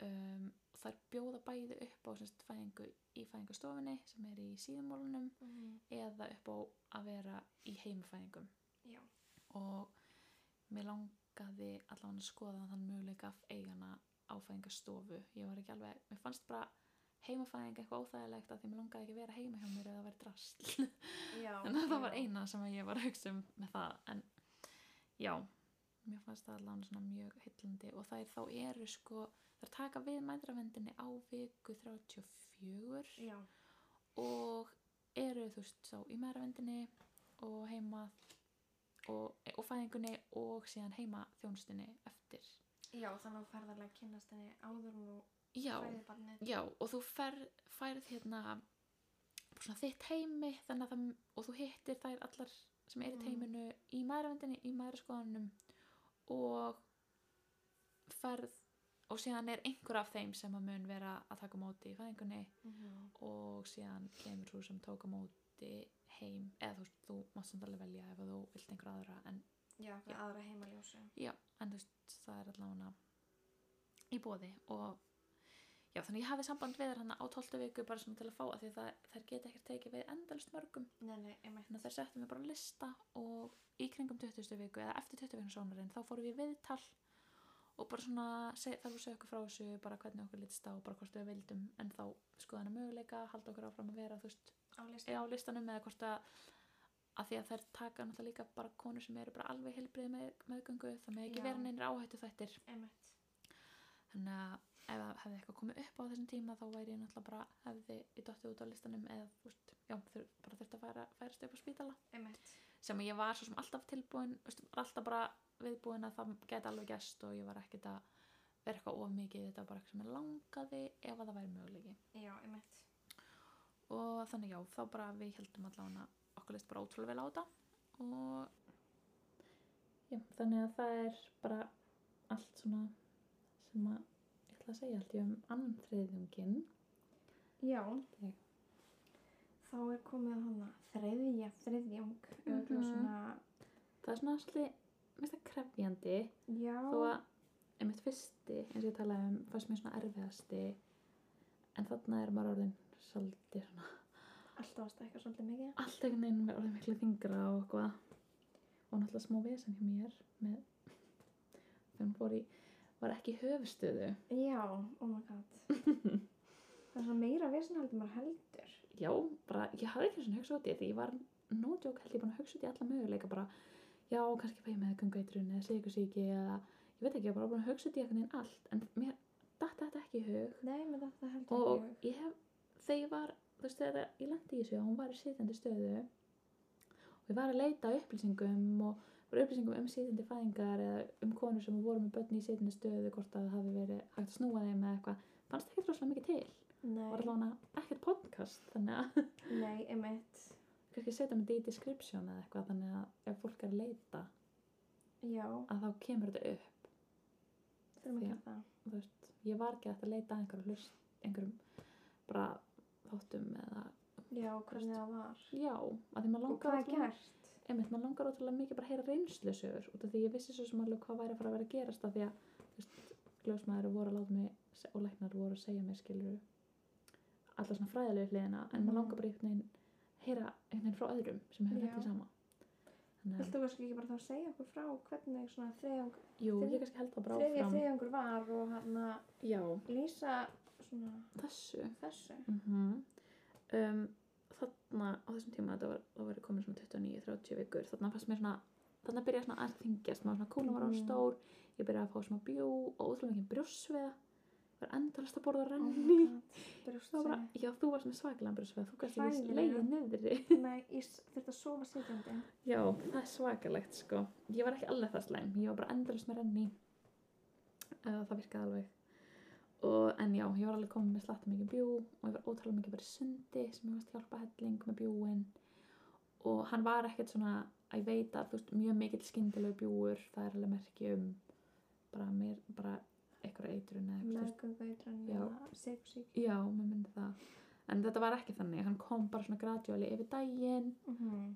ég var alltaf að reyna með lappinnar uppi og svo fór hann alltaf bara Já. var svona farin í lág kvöldin en þú veist, ég sé það samt alveg núna eftir á Mhm. að hérna hvað hann var mikill bara svona drifiður yfir allan líkamann Já. ég var bara svona bólgnar í andlitinu og eitthvað neginn en en já, hann var ekkert svona ekstrím kannski, Nei, nei, en hann var einmitt. svona aðeins aukast og bara svona, já, allt ekkert neginn orðið þingra og eitthvað um, á 35. viku þá fekk ég baby shower Já. brá ekkert smá mikið ég börst svo ekki verið á þessum tíma þú varst nefnilega í útlöndum Já. og ég var ekki svona já þá hljóta þær að hafa þetta bara þegar hún kemur heim en svo var hún alltaf bara ótrúlega margir að Zoom sem að var ótrúlega næs en Já. þetta var alveg svona smá COVID þannig að tími Einmitt. svo geggja að geta verið að fleiri geti verið með og sé það á Zoom Já. þannig að mér brá ekkert smá, ég bjóst alls ekki við þessu ég var svo vissum að ég myndi vita af þessu fyrir þú veist, ég var bara já þeir ætti að ná að plata mig bara Fyndið. ég er ekki fara að vera neitt surprised nei, ég var bara so surprised sko en já, það var hann 30 og 50 viku og svo fer, fór ég í Maravend og þarna var ég þá í Björkinni í Maravend Já. á 37 viku og þær voru náttúrulega að þreifa kúluna til að tjekka hvort hún væri komin í höfustöðu en Mhm. það fannst þetta eitthvað skríti fannst þetta ekki vera hausinn þannig að þá fór ég í svona auka sónar Mhm. til að bara svona legu sónar og Já. basically Til að ef- sjá hvernig banni leggur. já, bara til að staðfesta hvar hausinn er og Já. þessi sónar, maður sér ekki neitt sko, af því að barnið er það stórt setja bara sónatækið og þú sérð bara basically hausinn, þú sérð ekki Mhm. neitt barnið skilur hún sá bara haus bara upp í raupunum og bara eitthvað já ok hún er sitjandi og þá basically bara yfir hvað er hægt að gera Það Uh, fannst þér ekki líka óþælt að vita að hún væri sitjandi. Jú, út af því ég var bara svona, ok, hvað gerst þá og þú veist, ok, Hvað þýðir það? já, bæði náttúrulega að því að við vorum náttúrulega að stefna á að fara í björkina, Mhm. þá var það allavega ekki að fara að vera og hugsanlega væri ég bara að fara beint í keisara sem er einhvern veginn svona svolítið öfugt við það sem ég var að plana, þú veist, ég var ótrúlega mikið að plana bara að fara í um langaði bara að eiga bara legganga fæðingu og Já. bara með engum inngripum það er það Einmitt. sem er í björkinni í rauninni bóði en þetta var bara alveg totally different þannig að en hún sagði allavega hana kona sem gerði sónarinn, ljósmaðurinn hún sagði ok, þú veist, fór yfir bara það sem er í bóði og ef þú Mhm. veist með sitjandi barn, þá máttu velja bara ég vill fara í keisara, þú mátt bara segja bara, Já. bara ég vill ekki reyna neitt annað og svo mátt Sem er bara mjög eðlilegt að velja það. Já, bara 100% ef að, þú veist, að því þetta er alveg stressandi ef barni Mhm. snýr einhvern veginn ekki í optimal stöðu og Já. fæðingin getur verið erfið og, en getur líka gengið bara mjög vel og Já. konur sem hafa prófað bæði það segja ofta sitjandi sé minna mi- minni þrýstingur af því rassin er mjúkur og hann kemur fyrst Já. en ekki hausinn en já, en hún sagði að þá get, máttu prófa vendingu eða mögulega má reyna sitjandi fæðingu skilju Já. bara umlegung og ég vildi láta reyna á vendingu og þannig að ég fekk tíma í það og við fórum sem sagt, á Og hvað er 37. það viku vending? já, Fyrir svona þá sem veit ekki. já, einmitt Það hljómar ekki vel. nei, sko, þá er sérst bara maður fær, uh, það tekið sérst rít, við fórum þá á 37. viku, þá bara fyrst ferðu upp á, ferðu upp á spítala æ, hérna það sem að maður að vendin er upp á Mhm. spítala uh, færð fyrst í rít til að aðtöga hvort að sé allt í góðu með hérna krílið og síðan fær maður eitthvað svona svona vöðvaslagandi sprautu Mhm. og svo er basically barninu bara snúið utanfrá, þú veist, hún setur bara gæð miklu ólí á kúluna Oh my god. og bara svona liftir haustnum upp, eða nei, liftir rassinum upp og ítir haustnum svona niður og reynir að snúa og hún reyndi alveg nokkur sinnum mér fannst það ekkert vond ég, bara, Já. mér fannst það bara, bara, ég var bara að reyna bara að vera sem mest slög af því að þá er meiri líkur að þú getur snúið og hún reyndi nokkur sinnum en hún náði ekki snúinni og ok, þá vildi ég bara þá var sérst í bóði að fara í hérna mælingar, semst bæði fara í vakstasónar og fara í grindamælingu þannig Já. að sérst röngan til að mæla hvað grindin mín er stór -hmm. og hvað barnið er stórt upp á hvort að hún geti komið sitjandi þú Já. veist, hún var basically bara í svona samlóku þannig að rassinu var bara og lappinu beint upp og ég fyrir það og það kemur í rauninni já, fyrir þær mælingar og fæ síðan tíma hjá fæðingalækni eftir að þær mælingar eru búnar og til að fara yfir mælingarnar hvort þetta sé mögulegi og það er fyrir 8. viku og Pældi því á 38. Já. viku, þú getur alveg bara að fara að eiga bandið. Já, og á þessum, já, þannig fyrir tíman hjá fæðingalækninum eftir að vera búin að fara í allar þessar mælingar Mm -hmm. og það kemur í ljós að hún sé svona aðeins of stór bara með við mína grind. Mhm. Hún bara mælti með því að fara í keisara frekar.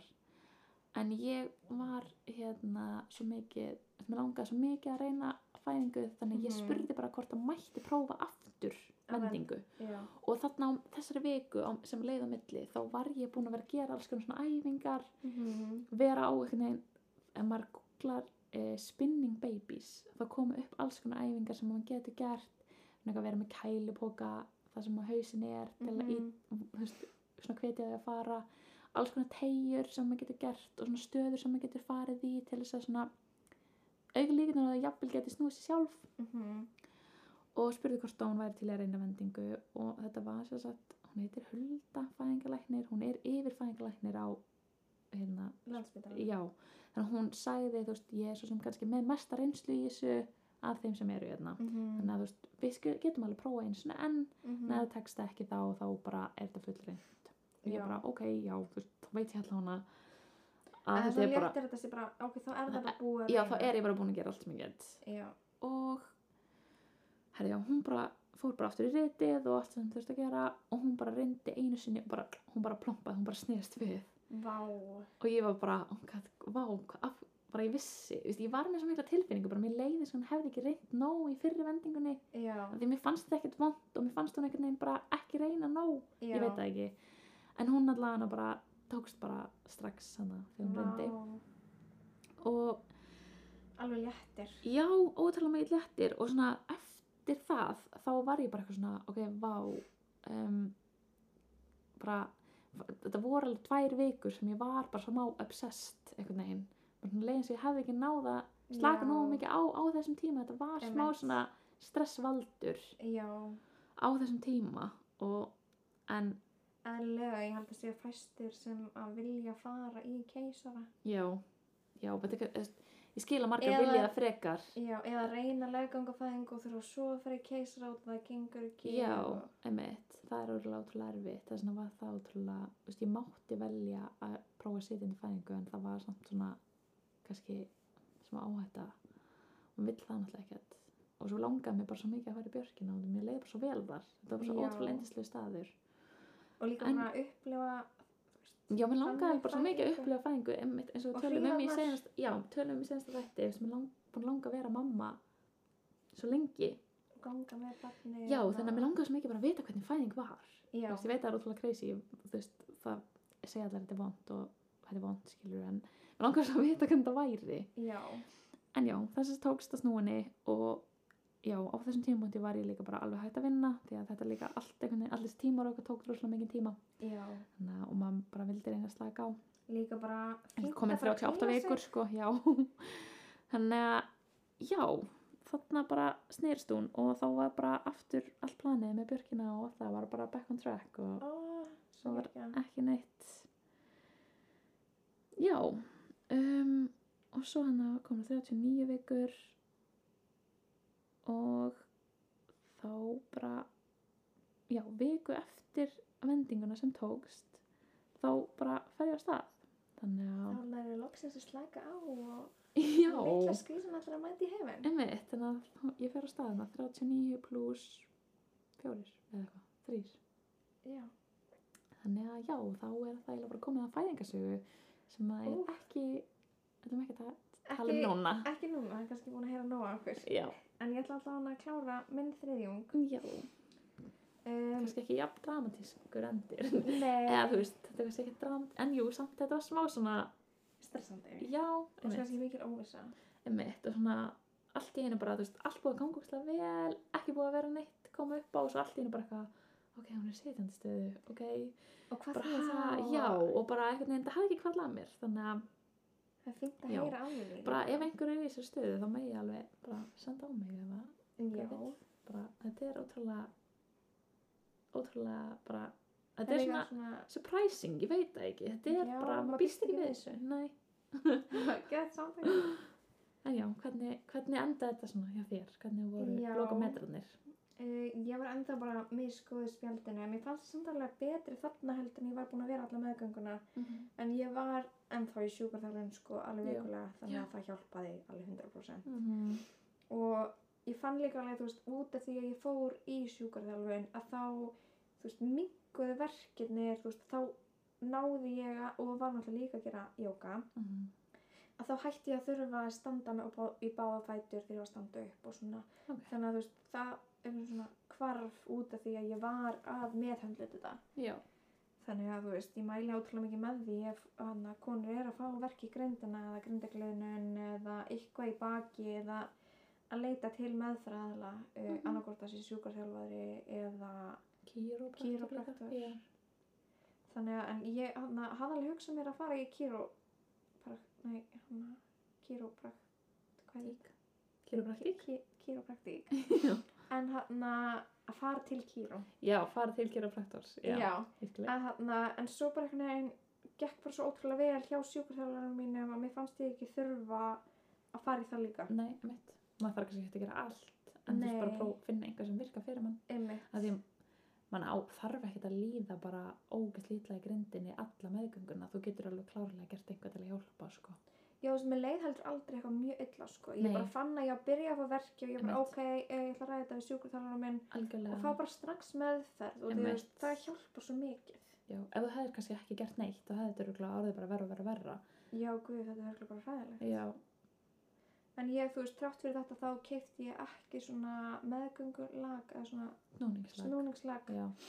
um, mér fannst ég ekki þurfa það sko Nei, mér, ég er saman, mér, ég átti ekki heldur þannig og mér fannst ég aldrei, þú veist, þetta var, mér fannst þetta vera eitthvað svona fjóra-fimm vikur inn í lokin, þú veist, ég, við náttúrulega koruar gengum fram yfir, já, þannig að ég skil alveg þær sem ganga lengst fram yfir eru bara ógvöð, bara bara jú, pray for me, já, en hérna, þú veist, einmitt, þetta voru kannski svona fjóra vikur þar sem ég var eitthvað svona, að, smá orðin, erfitt að snúa sér, en fannst þetta aldrei erfitt að snúa mér, þetta var meira bara standu, nei, eins og ég bara, það var bara tækni skilur, Já. það lifta sér eitthvað já, nokkulega, en mér fannst ég kannski hef frekar þurft snúningslag eftir fæðinguna já, reyða sig í rúminu, já, já, og með litla barni já, en við komum að því setna mm um, það var raunverulega ekkert rosa mikið þannig sé eitthvað ólíkt uh, eða svona, það bara gekk allt ótrúlega vel en ég hann var með aðeins of hátt járngildið sem er mælt á þri- 28. viku mitt í var ólétt. maðurvænd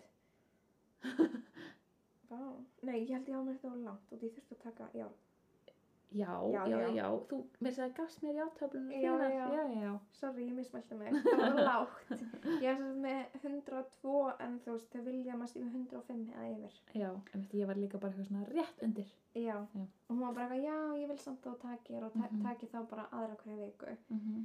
sem ég gerði og svo tók ég hann að C-vitamin og B12 með og því það á að hann að auka jafn inntökuna. Mhm. já, same, við erum með þessu sama, Já, já.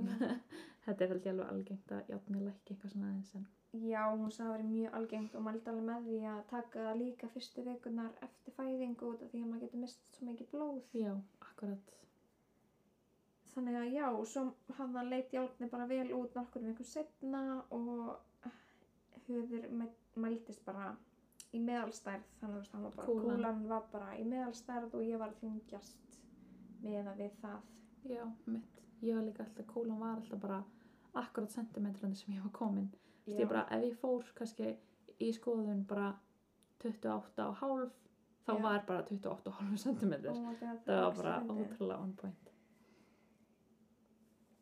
Já, eh, annars var ég bara með ógeðslega mikið um brjóstsveða já, og hann ég er með magabakflæði fyrir þannig að, Mhm. og ég var að taka magalif alla meðgönguna Já. uh, af læknisáði uh, og hann var bara áfram á mínum lifjum og búin að leita til að fimm lækna til að alveg vissum að það mætti já, um, og það var líka góðu lagi uh, þannig að ég var að taka magalif mín Mhm. og svo var ég að uh, breyða töms sem fasta ekki í Íslandi Nei. ég meikaði ekki bara að renni út af því það er ekki gott það er svona tek- nei, svona tangremsfræði já, en bara miklu verra já, Já, og svo, og svo freð eða svona eitthvað skrítið já, minnum ég var alltaf bara svo þurft og eitthvað kynkja, þú veist, Já. ég var bara að drífa mig að kynkja þetta en það er samt svo veist, virkaði eiginlega ekki nógu vel hvorki renni eða töms og þannig ég prófaði líka gafist já, já, já, Gafist Gavison já, já, uh, töfluformið það var sko ógeð Bú, við höfum eða þurft að Ó, gefa geð. heiti sér smá mikstúruna eftir að þú veist, þegar hún var yngri þá var hún Greyið. með smá bakflæði já, ég var bara svona, uh, bara eitthvað 1 millilítri sprautu en ég hef heyrt að spra- hana, vökuformið sé betra þannig að ef þú þarft brjóstsöða hana, dæmi þá mæli ég með því en ég með, þú veist, hringdi í heimilisleiknir menn bara, hvað á ég að gera ég get ekki sofið, ég er með svo mikið brjóstsveða já, og hann bara, já, prófaði þetta á kvöldin og ég bara, þetta gerði ekki neitt Mm, nei, þannig að ég hann svaf í sófanum alveg mjög mörg kvöld og þetta langverst sko svona fyrir hlutar nóttinni og sömar nætur bara gæti ég ekki sofið neitt þannig ég var að vera allan, dag- all, allan nóttinni í sófanum já, náttúrulega fyrir hlutan nættina er stittar síðan þú borða þér já, þannig að, já, en líka þú veist ég náttúrulega ennþá gæti ég ekki borða neitt þannig ég Nei. var Já, bara í auðvitað. sama pakka allan meðgönguna Já. en hann ég bara man ótrúlega, samt þú veist, mér leið samt alveg vel mhm, og þrátt fyrir það og ég var bara þú veist, hætt að vinna á hvað 37. viku held ég já, um, ég held að það hefði passað þá akkurat að ég væri þá búin með eitthvað í vinnun eitthvað skil og eitthvað þannig og fór þá bara í veikindalegi þangað til ég já, átti mhm, og ég var bara búin að ákveða að ég ætla að taka mér gott veikindalegði og Mhm. þó að það yrði ekki neitt aðinnan gæðslapa já en þá er maður bara að búa til barn og maður þarf bara að kvíla sig já, líka bara gott að sofa skilur svo gott að fyrir sofa. bara átökin sem fæðing er og bara fyrstu dagarnir og bara maður þarf og bara líka alls konar sem maður kannski á eftir að preppa og eitthvað, maður langar bara að hafa þetta Já, allt klart og mann er langar líka bara að dúlla sér í að ganga frá heima hjá sér Já. og, algjörlega, og líka þú veist að það er alveg margar vikur sem þú kannski kemst ekki í að gera neitt heima hjá þér akkurat og þú ert bara með lítið bann, mm svona lítið bann, þú veist, einu sinni eða einstaka sinnum á æfinni já, þannig að þú veist, maður á bara að njóta þess algjörlega en Sama. ég mitt hann að uh, var það bara í róleitum heima og náðu að kvílum ótrúlega vel og Mhm. uh, fannst ég bara með fallegustu kúli í heimi já, Mér fannst ég bara, ég bara dýrkaði að vera með þessa kúlu. Mér leiði bara Svo ógæslega gaman. vel. já, En líka bara svona halda utan um bumbuna og Mhm. æ, það er svo fyrir dásanlegt. En ég mitt hann að skrifa hjá mér það sem var svona eftirminnilegast augnabliki þegar hann að sýsti mín dró mig á kaffihús og hún bara og við ætlaðum að hittast og hún bara eitthvað, já hann að, nei komum á kaffihús og ég bara, á ég ekki bara vera heima í kósi já, bara kom, kastu komin langt ég var 35 vikur já, bara hvað, getur við please ég nenni ekki að fara út, gerum til Já, ég bara nefndi enga veginn og ógislega þreytt og eitthvað. Hún bara, jú, getur við plís fara hann á kaffús? Ég bara, ok, alltaf. Hún er að byggja mig um að fara á kaffús og þau eru bara á kaffús. Hún bara, já, mér langar líka að taka myndir. Þannig að, þú veist, og það er bara mjög aðlilegt. Við gerum, þú veist, þetta er alveg, takk ég oft myndir, já. og líka, þú veist, það er bara mjög vennilegt fyrir okkur, sko. Mhm, En ég var svona pínu fúla og maður er eitthvað svona að draga mig út en svo er ég bara, æ, ok, alltaf. já, Uh, og svo var náttúrulega þegar ég kom heim að það var baby shower og ég bara var í sjokki sko. og eins og margar som Já, það var, það var bara eitthvað tíman samkom takmarkinni já, nefnilega Þetta var svakalegt, en við náðum að halda það. Guð sé lof. En ég var líka, þú veist, eiginlega bara á því ég, veist, ég viss, var ekkert viss um að ég vildi fá baby shower og mér fannst svo óþægilegt Já, og allir var eitthvað að koma. Já, og líka bara fólk úr mismunandi áttum var að hittast og þú veist, það er ógeðslega mikið COVID og Já. þú veist, ef einn væri smitar þá var bara allir smitar og var Einmitt, allir og svo bara smitar eitthvað ótrúlega stutt í fæðinguna og maður vill ekki vera með COVID í fæðingunni og bla bla bla. Oh my god Ótrúlega Já, stressandi. þannig, þannig að það er svona ótrúlega margir þættir sem varðandi það, þú veist, ég var bara svona eiginlega ég myndi búin að segja við önni, bara já, ég veit eitthvað hvort ég vil ég baby shower, ég er bara um fyrst eitthvað Já. óþægilegt og eitthvað svona, en ég rókst annað, þetta var ógstlega gaman, sko já, við náðum allan að útfæra þetta á mjög góðan hátt Já, það er sem sagt, sýstir mínar og sýstir Hermanns og tengdamamma voru hérna Heima. heima já, og, hana, og svo voru allar vinkunum mínar á Zoom Mhm. þannig að þú veist, það var kaka hér og blöður og skreitingar sem var mjög Mhm. skemmtilegt og var svo leitt að geta ekki knúsað ykkur en það er svona ótrúlega dýrmætt að þú veist, hafa bara fengið þetta yfir höfuð já, út af þessu ógæslega skreitni tímar þannig að mann missi svo mikið af því að vera óléttur með vinum og fjölskyldu já, akkurat þú veist líka bara, þú veist, vinkonum mínar sem þú veist, maður hittir kannski ekki það oft og sérstaklega ekki í COVID, maður hittir bara ekki neitt Mm. Mhm. það er bara, já, þú veist, ég viss, sá þig, þú veist, þegar þú varst ekki með kúlu já, og svo, bara þegar barnið, barnið, já, út af því við bara mista af því og væri ólétt. já, nákvæmlega Það er ógeðslega skrítið. já, En já, annars uh, var það bara eiginlega í janúar sem við fórum að setja upp rúmið. Út Já. af því að bróðir Hermanns var bara, herrið fyrir ekki, þið verður bara að fara að setja upp rúmið, barnið er bara að fara að koma og við Já. bara, bara þið fyrir að vera að preppa þetta og allt já. við varum bara, já, já, en ég minna, er hann búin að sofa í rúminu já, hann er búin að sofa í rúmið. Anna gera grína með þetta, hann sefur alltaf uppi hjá okkur. En hann, jú, hann hefur alveg se- sofið oft í rúminu sínu, en mér líður bara betur með hann hjá mér. já, þá bara gerir það Já, maður bara gerir það sem hendar manni maður gerir það sko og barninu já, bara, nei, bara fyndi að vera gett miklu stressið að setja fyrir rúmið og núna er rúmið hérna hliðin á okkur og hann er svo í, í, í rúmin þínu já, ég meina hvað annað Æ. en já, ég, mér fannst allavega fyrstu dagana svo gott að vera með þú veist að við vorum með kóslýper já, ég var bara of stressuð að hafa hana upp ég var bara ámgæð við erum frá lifir hana og þetta er bara, hún er bara frá kapna og við erum bara að fara að setja sængu yfir hana og hvað, þú veist, oh my god það var aldrei að já. fara að gerast því ég var bara, maður mað er ekkert eitthvað sefur ekki fast sko nei, en við kannski ræðum betur um þessa fyrstu dag og svona í öðrum þætti já, en mér fannst kannski líka svona, að þú veist, ég var svo ótrúlega mikið meðvitið um það að ég ætlaði að kvíla mig áður en hann kæmi -hmm. og þú veist, ég fór alveg í meðgöngunu og þú veist, ég Já, var bara ég gerði geðveikt það mikið í líka rólegheitum já, ég pantaði mig líka nutt og ég fór í lítun blokkun og fótsnýrtingu og eitthvað svona já, ég fór líka í til að klippingu vera, já, en, það er ekkert verra heldur en að vera mjög óléttur í klippingu já, ég, sérstaklega með að lita hárið já, ég fór Ég ég fór stuttur. ekki ég fór þegar hún var tveggja vikna og þegar ég vildi ná að fara fyrir skýrnina já, og um, hún hérna, það var ekki neitt annar laust tími þannig að ég bara eitthvað, hún var bara tveggja vegna heima og ég eitthvað í litin bara panika bara "Oh hún gætt, allan sér svöng, allan sér svöng oh my god, ég En- hef ekki getað það rettaðist. Já, já. það er þetta allt sko.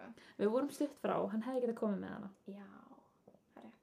bara rétt hjá heima, þannig Það er fínt. að- Já, Já, mér En- er kannski að, já, bara bara, sem við vorum að nei, spá með, bara ef þú meðgöngur. finnst þú þurfa að hætta að vinna, hætta að vinna. já, alveg Bara 100%. þú þarft að kvíla þig. Já, bara þú átt alltaf einhverja veikinda hjá vinnuveitenda og svo eru stjættafélagin líka oft með eitthvað úrræði ef að þú klára veikinda dagana eina. En það er líka, þú veist, veikindi og svo er veikinda réttur Já. sem maður nýtir þegar maður er að hætta að vinna og svo þú ert búið með veikindaréttin hjá vinnuveitanda Mm -hmm. að þá nýtir þau dagana hjá stjættafélaginu. Já, og svo má náttúrulega líka fara fyrir fæðing orlof Já. en þá náttúrulega köttast af orlofinu þannig að en bara ef fólk hefur tök á því þá Um eitt. ef fæðing orlofinu einhvern tímann lengt meira þá er kannski þú veist, ef það er kannski komið í 15 mánuði þá er kannski hefur fólk meira tök á því að taka fæðing orlof mánuð fyrr Já, um eitt. en já, En já, svo hann að endaði raunverulega meðganga mín var 39 vikur og 3 daga mm. og raunverulega er ég bara svona, já, er ég að fá samdrætti? Þú veist, já, og ég bara, herra, nei, þetta gæti verið hríðar. Já, bara alrighty, En- it's happening. já, þannig að ég, hann held ég að fyndi einu sinni fyrir samdrætt um alla meðganguna. Já, ég fann aldrei neitt. Svo þess vegna vissi ég bara, hmm, er þess vegna þetta fann samdráttur?" ég bara eitthvað svona, bara túrverki, ég var bara, ok, þetta er að gerast. Þetta Já. er örugglega að gerast. Ég var líka bara, þú veist, klukkan var tíu um kvöld og ég var bara, býtu, þetta er eitthvað. Þetta er óvanalegt. eitthvað, já, bara, hmm, þannig að ég er þetta byrjunin um, þannig að ég hann að byrja að taka tíman út af því að þú veist, ég downloadaði einhverja appi svona, svona Já, hringa- svona tæmir, appi. já, og tek verkjalif og ætla svo að fara að sofa en, já, hann gæti ekki það sama. Æ, en það hjálpaði ekki neitt nei, en ma- ég reyndi tengja, já. en ég held að margar hafi getað tekið verkjalið og farið að sofa Ég mér Já, líður þú ekki hét eins og ég hafi, eða það, ég hef, ekki- ég hef heyrt alltaf verið bara eitthvað, nei, þetta gerði ekki raskat. eitthvað parataps, nei, gleymdi því. en ég reyndi alltaf hana Já, trú, same, ég reyndi, það virkaði ekki. Nei, ekki heldur. Mér langaði svo mikið að fara að sofa. Já. Allavega hana. Uh, við ætlum allavega að segja þetta gott í byli. Við erum Já. allavega mjög þreyttar. Mm -hmm. Eh, Þetta mömmur. Þreyttar með ömmur.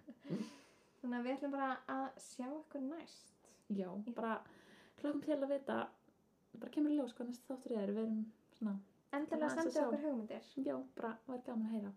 Instagramið okkar er nýtt líf podcast.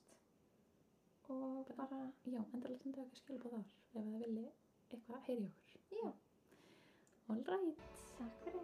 bye bye.